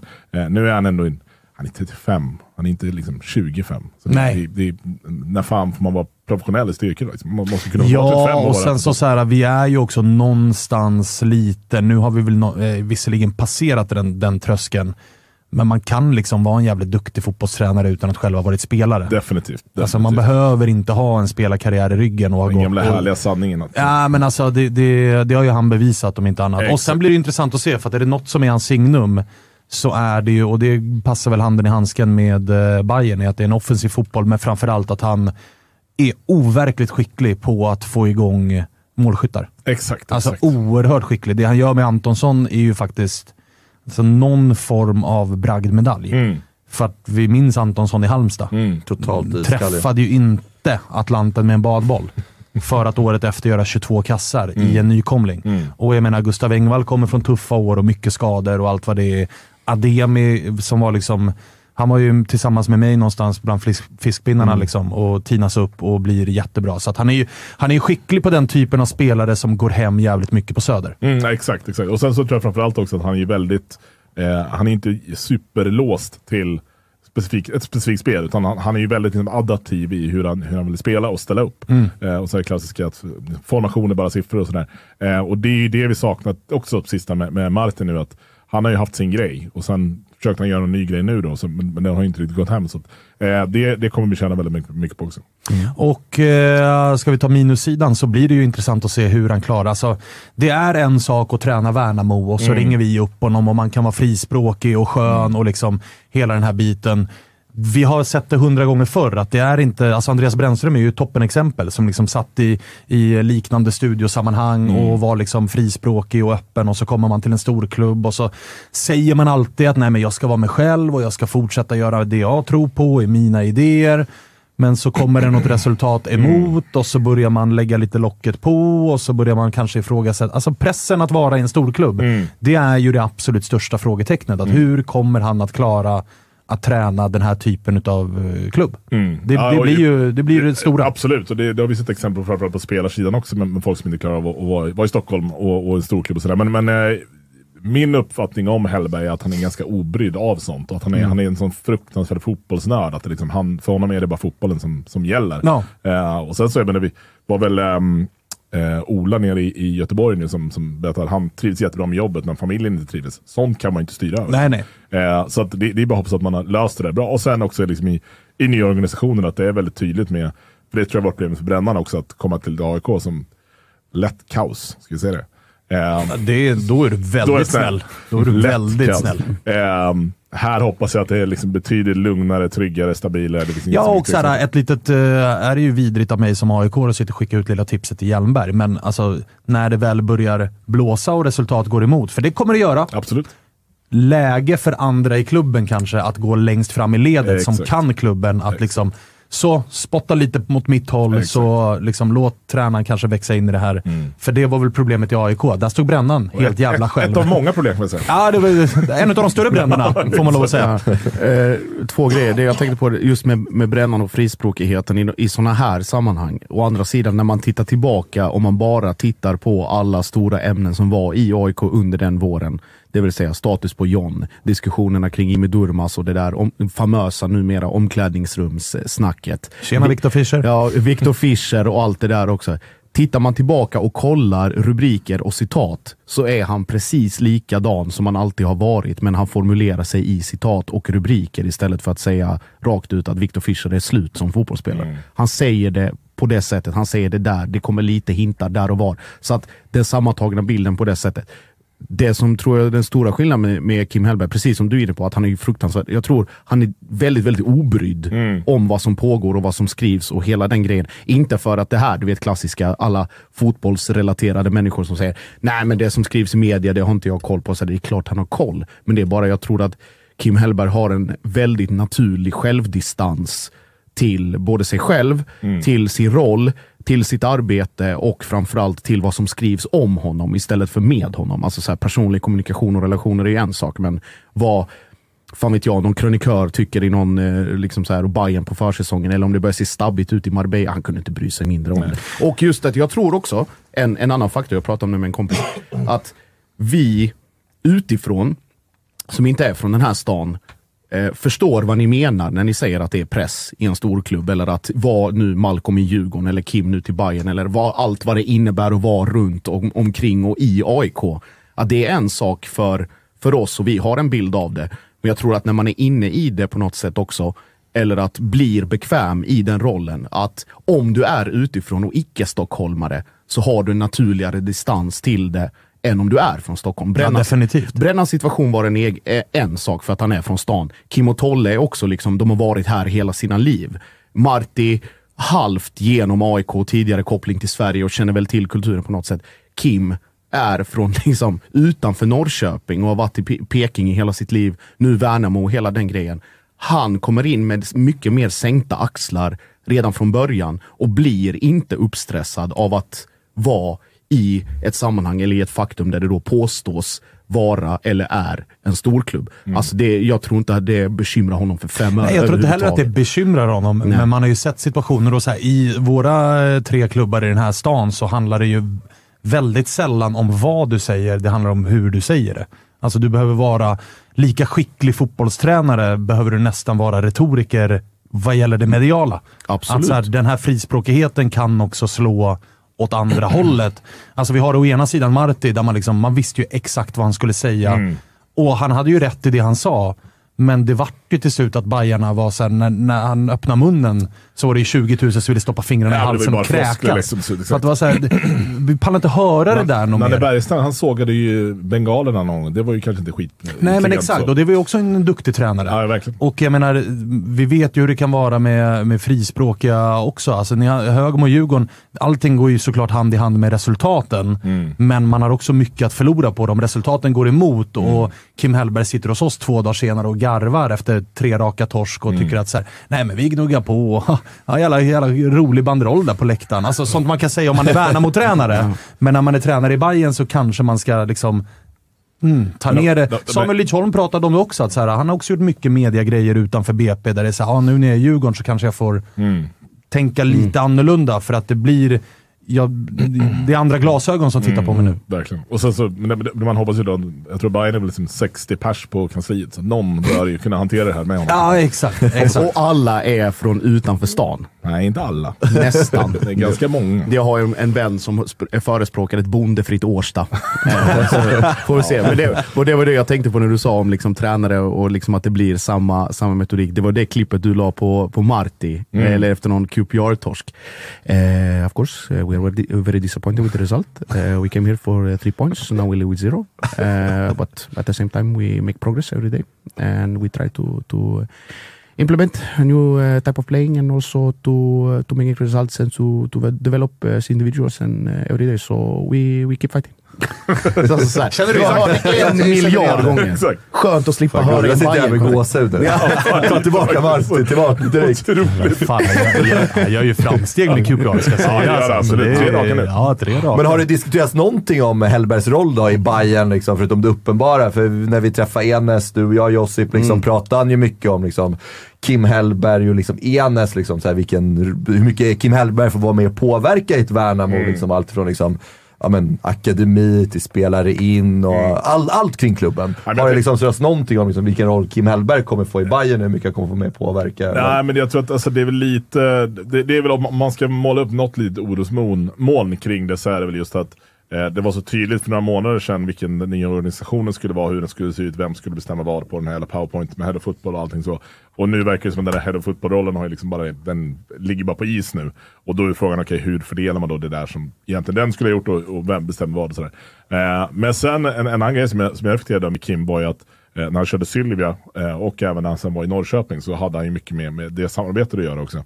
Eh, och hans farsa skötte ju väldigt, väldigt mycket det. Um, och det är ju väldigt liksom, exakt HTFF, Bayern delen eh, det är exakt, exakt samma typ av relation egentligen.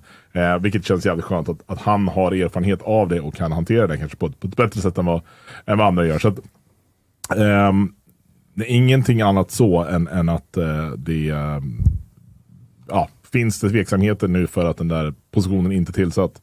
Ja, absolut. Men jag tror att han och von Heine känns som match made in heaven. Liksom. Det känns som killar som kan sitta och liksom hänga kvar på kontoret och prata fotboll till liksom två på morgonen. Det, de har inga problem med det så. Sen går de gemensamt hand i hand till Hjelmberg och säger vilka data spiders de har hittat och så kör Hjelmberg sina Afrikaresor och hämtar sina gubbar där. Bam! Där Sådär. har vi Bajen. Nästa 50 miljoner in på kontot. Eh, måste kännas skönt ändå. Ja, det känns så jävla skönt. Eh, det, det blir ju när, när det blir så liksom tydligt vem som är nummer ett från början och sen slänger man in en som Hornland som någon form av joker i det där också. Eh, det hade blivit så jävla jobbigt om det hade blivit liksom val nummer tre. Att det blir som pyspunker på alltihop. Nu känns det som att nu har liksom, man har fått bygga upp Hellberg, vi har hypat honom ganska mycket. Eh, nu, nu är det liksom, nu, det är bara upp till bevis då, så fort han kommer in. Ska villigt erkänna att jag är eh, avundsjuk på att se en klubb eh, liksom plocka fram att så här ska vi spela fotboll uppifrån. Att vi har en offensivt sätt att spela fotboll. Vi har ganska tydligt att vi vill spela 4-3-3, det är det vi utgår ifrån. Och så hämtar man, man plockar in en tränare som spelar den fotbollen. Den tränaren går, då hämtar man in en ny tränare som också spelar den fotbollen. Jag sitter och Vad håller på- menar Jag vet inte ens vilken formation AIK spelar. Det kan bli vad som helst. Nej, alltså. Det var aning. AIK 2024 kommer vara som att man tömmer en sån gammal, nu vet ju inte den yngre generationen vad det är, men sen en gammal hålslagare på fritids. Och så är det så tömmer man den, så tar man den i handen och kastar upp i luften som en jävla konfetti. Och så är det tre röda papper och fyra gula och två blå. Så får man se var det landar lite grann. Bra konfettimaskin back in the days för Mm. övrigt. Ja, faktiskt. Ska vi ändå lov att säga. faktiskt. Eh, du eh, Josip, jag kommer lämna över ord och ansvar eh, kring eh, detta segment lite mer till dig. Men det Mm. var ändå lite rubriker i riksmedia igår gällande möten och liksom hur vi ska få bukt med det stora, stora samhällsproblemet som är ordningsstöring, ordningsstörningar på, på fotbollsmatcher. Ja. Eh, take it away. Vad, vad handlar det här om? Det handlar om att eh, regeringen ehm, vill Alltså visa- högsta instans? Högsta instans, det är justitieminister och det är ytterligare någon, kan det vara socialministern? Kan vara. Eh, I alla fall, personerna heter Gunnar Strömmer och eh, Jakob Forssmed. Eh, De har då, i egenskap av ministrar och regering, genom det här då, gett Anders Hübinette, tidigare chefsjurist på SVFF och även med eh, hovrättserfarenhet, om jag har läst hans CV rätt, i uppdrag då att genomföra en, eh, det som vi älskar mest i det här landet någonsin, det vill säga statliga utredningar. Eh, och den här statliga utredningen ska vara levererad senast den 1 mars 2025 och ska då ta fram eh, dels en övergripande bild av då det här stora, stora samhällsproblemet, det vill säga läktarkultur. Eh, och då med relevanta förslag och åtgärder för att då stävja eh, ordningsstörningar eller förebygga och förhindra och då om de är genomförda även då bestraffa dem. Eh, och eh, då blev man ju igår eh, eftermiddag medan man satt och jobbade, blev man ju otroligt frustrerad när man satt och läste och eh, skiftade snabbt roll från bolagsjurist Josip Ladan till supporteradvokat Josef Landén. Just det. Och levererade en liten rant på Twitter, så den kan man gå in och kika på. Det är en tråd där, man, där jag liksom bryter, igen, eller bryter ner praktiska erfarenheter själv från domstol där jag varit ombud. Eh, men även då efter att ha läst över hundra domar som rör då till exempel maskeringsförbud, pyroteknik, eh, ordningsstörningar av andra brott mot ordningslagen, då pyrotekniken eller då eh, till exempel konfrontation med ordningsvakter eller polis, då våld mot tjänsteman eller då eh, och så vidare och så vidare.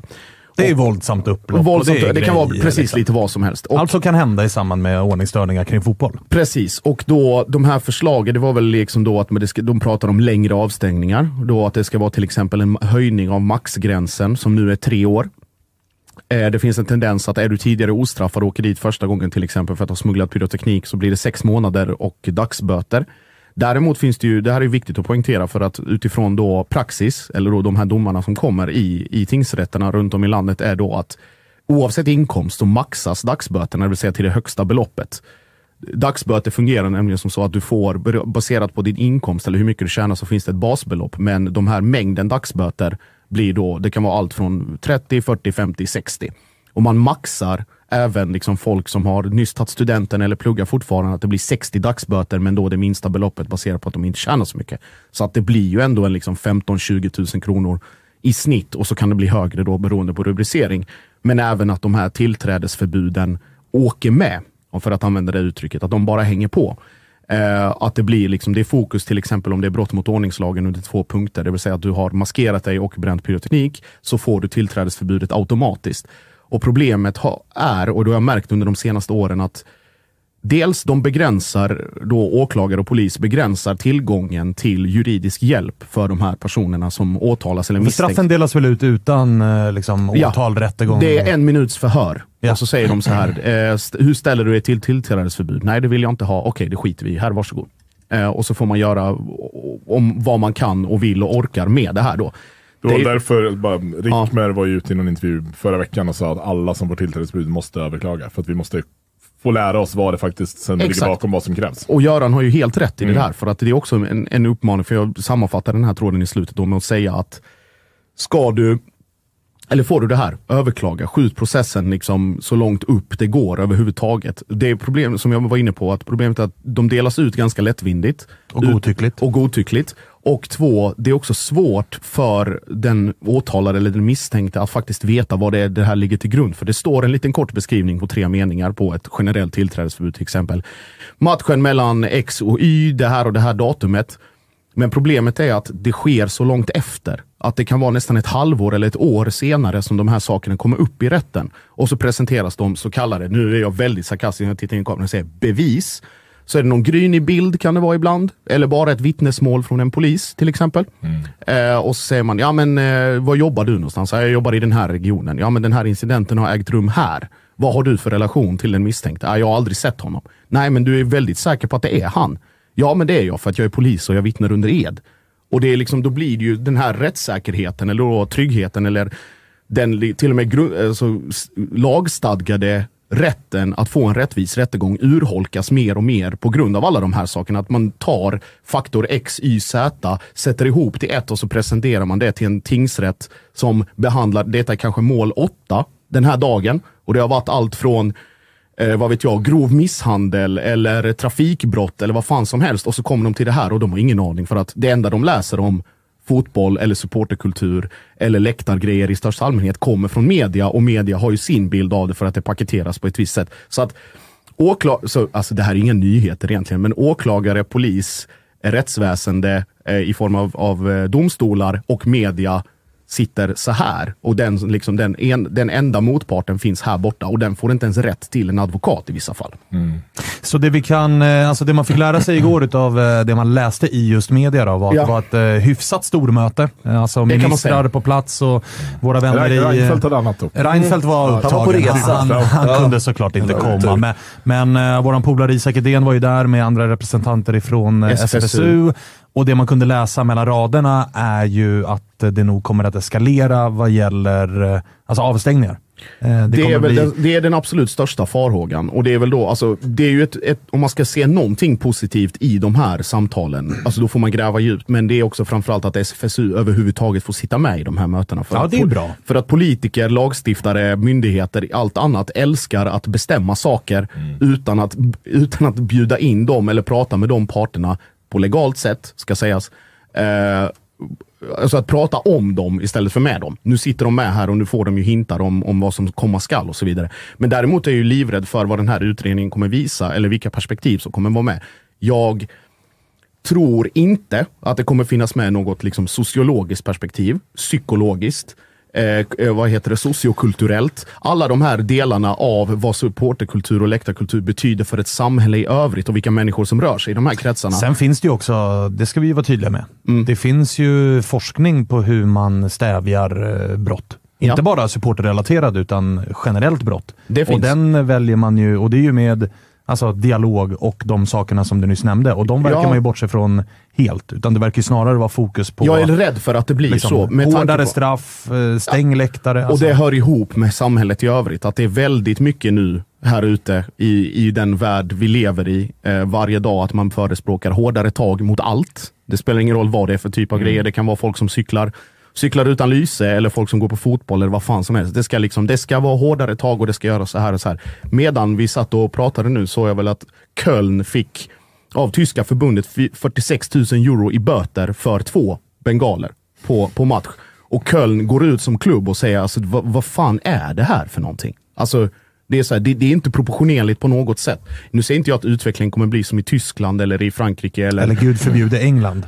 det, men jag säger att det, vi är på god väg dit om saker inte liksom diskuteras eller tas upp. Eller framförallt att folk inte använder de rättigheter som finns för att belysa det här, även för tingsrätterna eller för polisen eller någonting. För att det jobbar ju mycket. Tänk att du säger så här, du är 18 år gammal. Du åker dit för att ha försökt smuggla in två bengaler på, på en fotbollsmatch. Och så blir du kallad till tingsrätten. Du skakar alltså, blir livrädd bara av det faktum att du behöver gå dit. Och sen så om du samlar mod och säger att men jag vill överklaga. Då ska du ett, göra det. Du ska skriva ihop en överklagan skriftlig och skicka till åklagaren. Två, du ska ta dig till tingsrätten. Och tre, du kommer med allra högsta sannolikhet behöva göra det själv för att de vill inte ge dig ett juridiskt ombud om du inte begär om det själv. Och det är inte ens garanti att du får det för att brottet anses vara så litet. Alltså förstår ni paradoxerna? För att det är fortfarande en jätteinskränkning i rörelsefrihet. Det begränsar dig som person och liksom ditt intresse och alla de här sakerna. Men samhället ser på det som något jättefarligt i en mening, men i det andra, när du ska upp och ta upp det, då är det ingenting. Så att det blir ju, alltså så här, jag är jätte, jätteorolig för det ur ett Lilla, lilla rävsaxen. Ja, alltså ur ett juridiskt och ett liksom, eh, vi ska säga samhälleligt perspektiv för att det här kan få konsekvenser som folk kanske inte är beredda på. Men att när kampen, da, alltså kampdag om man ska använda det uttrycket, om det är liksom att du får ett datum i tingsrätten eller att det blir en process som pågår under en längre tid, att du måste ta den. Och då ska man inte vara rädd för att be om hjälp.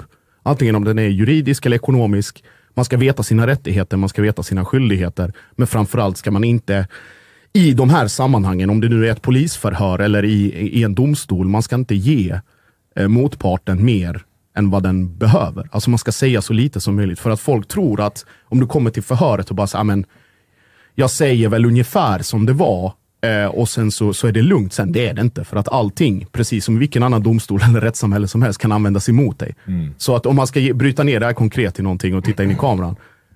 Säg väldigt lite, säg helst ingenting i förhör. Överklaga allt och använd sunt förnuft och var alert. Det är väl de tre grejerna egentligen. Men, eh, Intressant 2024 känner jag redan nu när det här börjar bubbla i eh, december månad. Verkligen, verkligen. Och om jag får ställa en fråga till eh, advokat Josef Landén. En liten snabb grej. Oh, en liten, liten, liten. Sportbladet avslöjar AIK nära att sälja jättetalangen Jona Kusiasare. Vill ha 60 miljoner. Två klubbar i dragkamp. 60 miljoner i månaden va? I, I tio år. PSV Eindhoven och Klubb Brygge. Mm. Förlåt, fortsätt Fredrik. Tycker du till den ekonomiska... Nej, det gör det inte. det gör det ju Det är inte. den här berömda driften som ska säkras nu. Just det. Del, delårsrapport. Delårsrapport Q2. 60 så har vi bara 10 kvar. exakt, exakt. Allt Plus försvinner lilla plus minus noll-affären här. Ja, fortsätt. Eh, men eh, om du får spekulera fritt, liksom, kika in lite i spåkulan. Det blir mars eh, 2025 sa du. Eh, utredningen är klar. Eh, vi pratar eventuellt liksom, längre avstängningar. Vad, vad tror du mer kan liksom, rendera i den här undersökningen? Kraftigare- Lättare liksom, matcher utan publik, kollektiv bestraffning, Det är en faktor ja, absolut. Eh, stegen kommer tillbaka. jag vet inte om stegen kommer tillbaka Mm. i någon form för att motståndet, till och med internt inom polisen, har ju liksom till slut landat att vi gjorde fel. Däremot tror jag att det här som de pratar om att eh, liksom jaga individer Mm. istället för kollektivet, det tror jag väl att det kommer ligga i fokus. Däremot tror jag att de personliga konsekvenserna kan bli mycket värre för den enskilde. Det vill säga då, säg att du får en standardavstängning för en förstagångsförbrytelse, om vi använder det uttrycket, från sex månader till att bli minst ett år. Eller att du om du har en avstängning sedan tre år tillbaka och gör no någonting nytt nu där du, döm, eller då, du blir dömd. Då förlängs den till kanske, alltså du får tre år på ett bräde, eller fyra år. Alltså så, att det kan bli det. Och då böterna, att bötesystemet blir att, aha, men nu har du belastat samhället på grund av en tingsrättsförhandling på 45 minuter. Där ska, därför ska du betala 25-30 tusen trots att du är liksom student eller du har ditt första jobb någonsin eller whatever. Så att jag tror att det, det individuella fokuset kommer bli eh, mycket, mycket större och mer kostsamt om du väl blir dömd. Sen tror jag inte att tingsrätterna är riktigt beredda på att supportrar har den här organisationsförmågan eller då den här viljestyrkan att är det någon som behandlar oss orättvist, då kommer vi hjälpa till oavsett vilka lagfärger eller klubbtillhörigheter vi har. Så att det kommer bli liksom den kampen. så. Sen, sen finns det ju andra faktorer också som jag tror kommer inkluderas i den här utredningen utökade, alltså förstå ironin i det här, utökade befogenheter till ordningsvakter. Det, är- det Det kommer, Utökade det, kommer, befogenheter. det kommer landa väl. succérecept. Ja. Så här, utökade befogenheter till ordningsvakter. Det betyder alltså att de får nästan till göra precis som en polis och då blir det istället för att det då blir en, en incident där det då kan vara brott mot ordningslagen, då slänger de på punkten våld mot tjänsteman. Direkt. Och vad gör det då? Ja, det belastar tingsrätten ännu mer. Då blir förhandlingen istället för 45 minuter blir en och en halv timme. Och då är du plötsligt uppe i straffskalan på någonting som kan leda till fängelse. Beroende på situation Precis. och så vidare. Så att den, är det är ju en punkt. Den andra är ju liksom så här, polisens alltså så här, begränsningar i rörelsefrihet i övrigt. Vi pratar om no-go-zoner i andra sammanhang. Ska polisen då kartlägga 30-40 individer per Stockholmsderby, per lag, att förbjuda dem från att röra sig från ett område, om det nu är på Tele2. Att så här, du får gå till Gullmars, men om du går över fem meter, då bryter du mot det här och så blir det en PL13 eller whatever. Och så skickar de ut dig. Eller om du, är, om du dessutom är tjafsig, ja, då förhindrar du yrkesutövning. Men det, det känns ju... Alltså- ja, det, det är två, två grejer som jag tänker på. Den ena är ju att man, man, man har ju gått ifrån um, det kollektiva bestraffningen och ska nu jaga bara individer på, på ett sätt som är rättsvidrigt. Egentligen Mm. är liksom det, det jag känner. Eh, vilket är helt fruktansvärt. För det, det, man är någonstans så, här, man har förstått till slut att kollektiv bestraffning kommer inte funka. Mm. Men, men man tycker inte att den här individuella man har nu är tillräckligt stark och därför ska man liksom bara dra det här ännu, längre. Yes. Ehm, nummer två är ju, det vore jävligt spännande att höra hur de här mötena går till. För att i de där rummen sitter ändå SEF, som är väldigt, väldigt beroende av oss. Eh, och SVFF, som är också väldigt, väldigt beroende av oss. Men känslan är att de sitter och slickar den andra röven istället för att faktiskt... Minister. exakt. Eh, För att de är högst upp i hierarkin. Exakt. Eh, och det är så här, det enda man hoppades på, liksom, om man skulle försöka vara någon, någon form av positiv kring, kring Reinfeldt som, som ordförande för SVF var att han kan politiken och kan föra fotbollens talan. så här. Han skiter fullständigt Japp. i supportrar. Ah, ja. Eh, Ja. Och det är jävligt obehagligt. Alltså, en det är det. obehaglig det, är det. Man känner sig ändå relativt, alltså nu betonar jag verkligen relativt trygg i att ändå SFSU är närvarande på Absolut. den här typen av Absolut. möten, så att det ändå finns någon form av supporterröst på plats. Vi vill gärna ha med dem i dagens program, men de är upptagna i eh, egna möten vad det Mm. verkar. Så de kunde inte vara med idag. Jag gissar, ifall jag känner det här fotbollslandet rätt, att vi kommer att få anledning att återkomma i detta ämne. Men eh, kul att de tar de stora samhällsproblemen på, på allvar. Eh, som det ändå är. Alltså bengalbränning och sådär. Så Det det, också- måste vi verkligen en- ja. alltså, lägga otroliga resurser Usch, kring. gud, ja. Det, det Och det, är också, grejer vi och det är också en faktor som man, som man glömmer i de här är ironisk, bara alla ja, fattar så att alla fattar det. En faktor som man också glö- glömmer, men som också är, hur ska jag säga, dödligt ironisk i det här sammanhanget är att tajmingen för det här är ju 10 av 10 ur poliskommunikationssynpunkt. För att det är december månad. Det första som man gör i januari, alla politiker, det är ju att bestämma anslag till nästa år. Just det. Ja! Så det är klart Fick man att, det eh, sagt också? Det är klart att eh, konspirationen...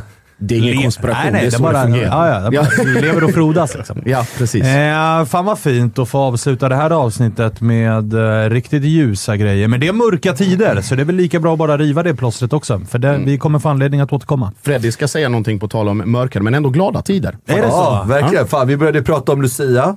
Jaså? Toto-svenskan görs ju i samarbete med MQ och julen börjar närma sig. För när det är Lucia den 13 december, då är det bara 11 dagar kvar till julafton. Matematiken. Ja, exakt. Och vi har ju tillsammans med MQ fokuserat på just en julkollektion hos MQ. Det är en dressad och stilig julkollektion som har tagit plats i butikerna och online. Där hittar man riktigt schyssta grejer såsom kostymer, stickade tröjor och lite schyssta accessoarer som strumpor och mössor och slipsar. Och det fina med allt är att koden TUTTO20 gäller ju på både herr och dam. Perfekt nu i julklappstider. Man kan köpa till sig själv, mamma, pappa, syskon sambo, kanske en fiende, vem som helst. Det finns någonting för alla. Och koden gäller ju till och med idag, Lucia. Så gå in på mq.se eller gå ner till närmsta butik och nyttja koden TUTTO20. Tack så mycket för det MQ. Och tack så mycket. Innan Tack. vi avslutar så... Ja. eh, Josef eller Josip, du får välja själv. Nej, nu är du- jag du- tillbaka ja, till, du är tillbaka. till okej, Ni- bra. Som ni vet, vi hade ju watchalong igår. Jalks, eh, jag la ju den här mirakeldubbeln. Den sprack. Eh, Tapper, Tapper la anti-Jalkemo-tipset. Eh, sprack ju givetvis också på grund av en målsnål tillställning nere i München. Men ni vet ju att vi gör eh, Tuttosvenska tillsammans med våra vänner på ATG. Det kommer, en, eh, det kommer lite speltips inför kvällens watchalong. Vi är tillbaka här runt 20.45 ikväll. Det är många, många, många fina matcher ikväll också. Big Nine som alltid hittar ni även eh, inne på atg.se slash tutto. Brukar gå fort, så var med där. Det kommer en, en inför helgen. Eh, eh, britterna är också, de är redo för det. Det kommer ju vara en väldigt intensiv julomgång. Spelar till och med julafton, eller jag tror det är julafton och 26, 23 till och med. Massa, massa, massa engelsk fotboll. Så kika in på atg.se slash tutto om du är 18 år gammal och är du, är du inte det så låt bli och har du problem med spel så går du istället in på stödlinjen.se. Fick uh, Gurra lite extra uh, depp här mot slutet. Då. Vi gick inte bara låta han skina och vara lycklig över Kim Hellberg, utan han fick lite, liksom, uh, återigen, polismyndighet versus uh, supportrar. den ständiga kampen som pågår. Men också en liten påminnelse om Glory, Glory, Manchester United. Jävla uppgivna det. Det är bara för dig att släppa Ja, det, det är helt. va? meningslöst. Ja, det är total... eh, Vilken, vilken meningslös fotbollsklubb. Det är så, varje gång man sätter sig och tänker men nu kanske, sen ser man tio minuter och bara nej. Ja, det- och så det- ser du Anthony komma in i bilden. Ja, och tänker att han jag hade var ju på runt bra humör. Ja, jag, jag Ja, om fokus. Bayern 2024 Jag ber om nu. ursäkt, men det är så jag är. jag Se att någon är lite för glad, då kommer jag där. Sista, senaste tränaren vi hade från Östergötland, vet du vem det var? Eh, är det Sören? Sören Kratz! Så det är klart. Behöver inte spela om det. Berömda ärevärvet på Söderstadion. Ingo, klipp ut det här om att vi inte behöver spela om det. Eh, så kanske vi kan få anledning att återkomma till det eh, ett par gånger under den här säsongen. Inga jag hoppas det. Men du, Svanen, Ja. innan vi stänger ner. Vad, vad gör du med det? Jona på väg till eh, PSV eller Klubb Brygge. Det där är bara skitsnack. 60 miljoner Det kronor. där är bara skitsnack. Jag tror att... Eh, alltså jag tror att Gorno det- på väg in. Alltså, dis, jag litar ju på, på Disco i mycket, för det är väl Disco som kommer med uppgifterna. Men här har han ju tagit fel på SEK och euro. 60 miljoner euro. Händer alla. Ja, det kan hända den bästa. Ja. Framförallt har ju Disco också tagit fel på Jonas Kusiasar och Benjamin Kimpioka. Precis så. Kimpi till PSV Eindhoven för 6 miljoner euro. Ja, rimligt. Rimligt. Ta det. Jona 60 miljoner euro. Euro. Mm. Bara så att vi har koll på valutakursen. Just det. Finns det liksom.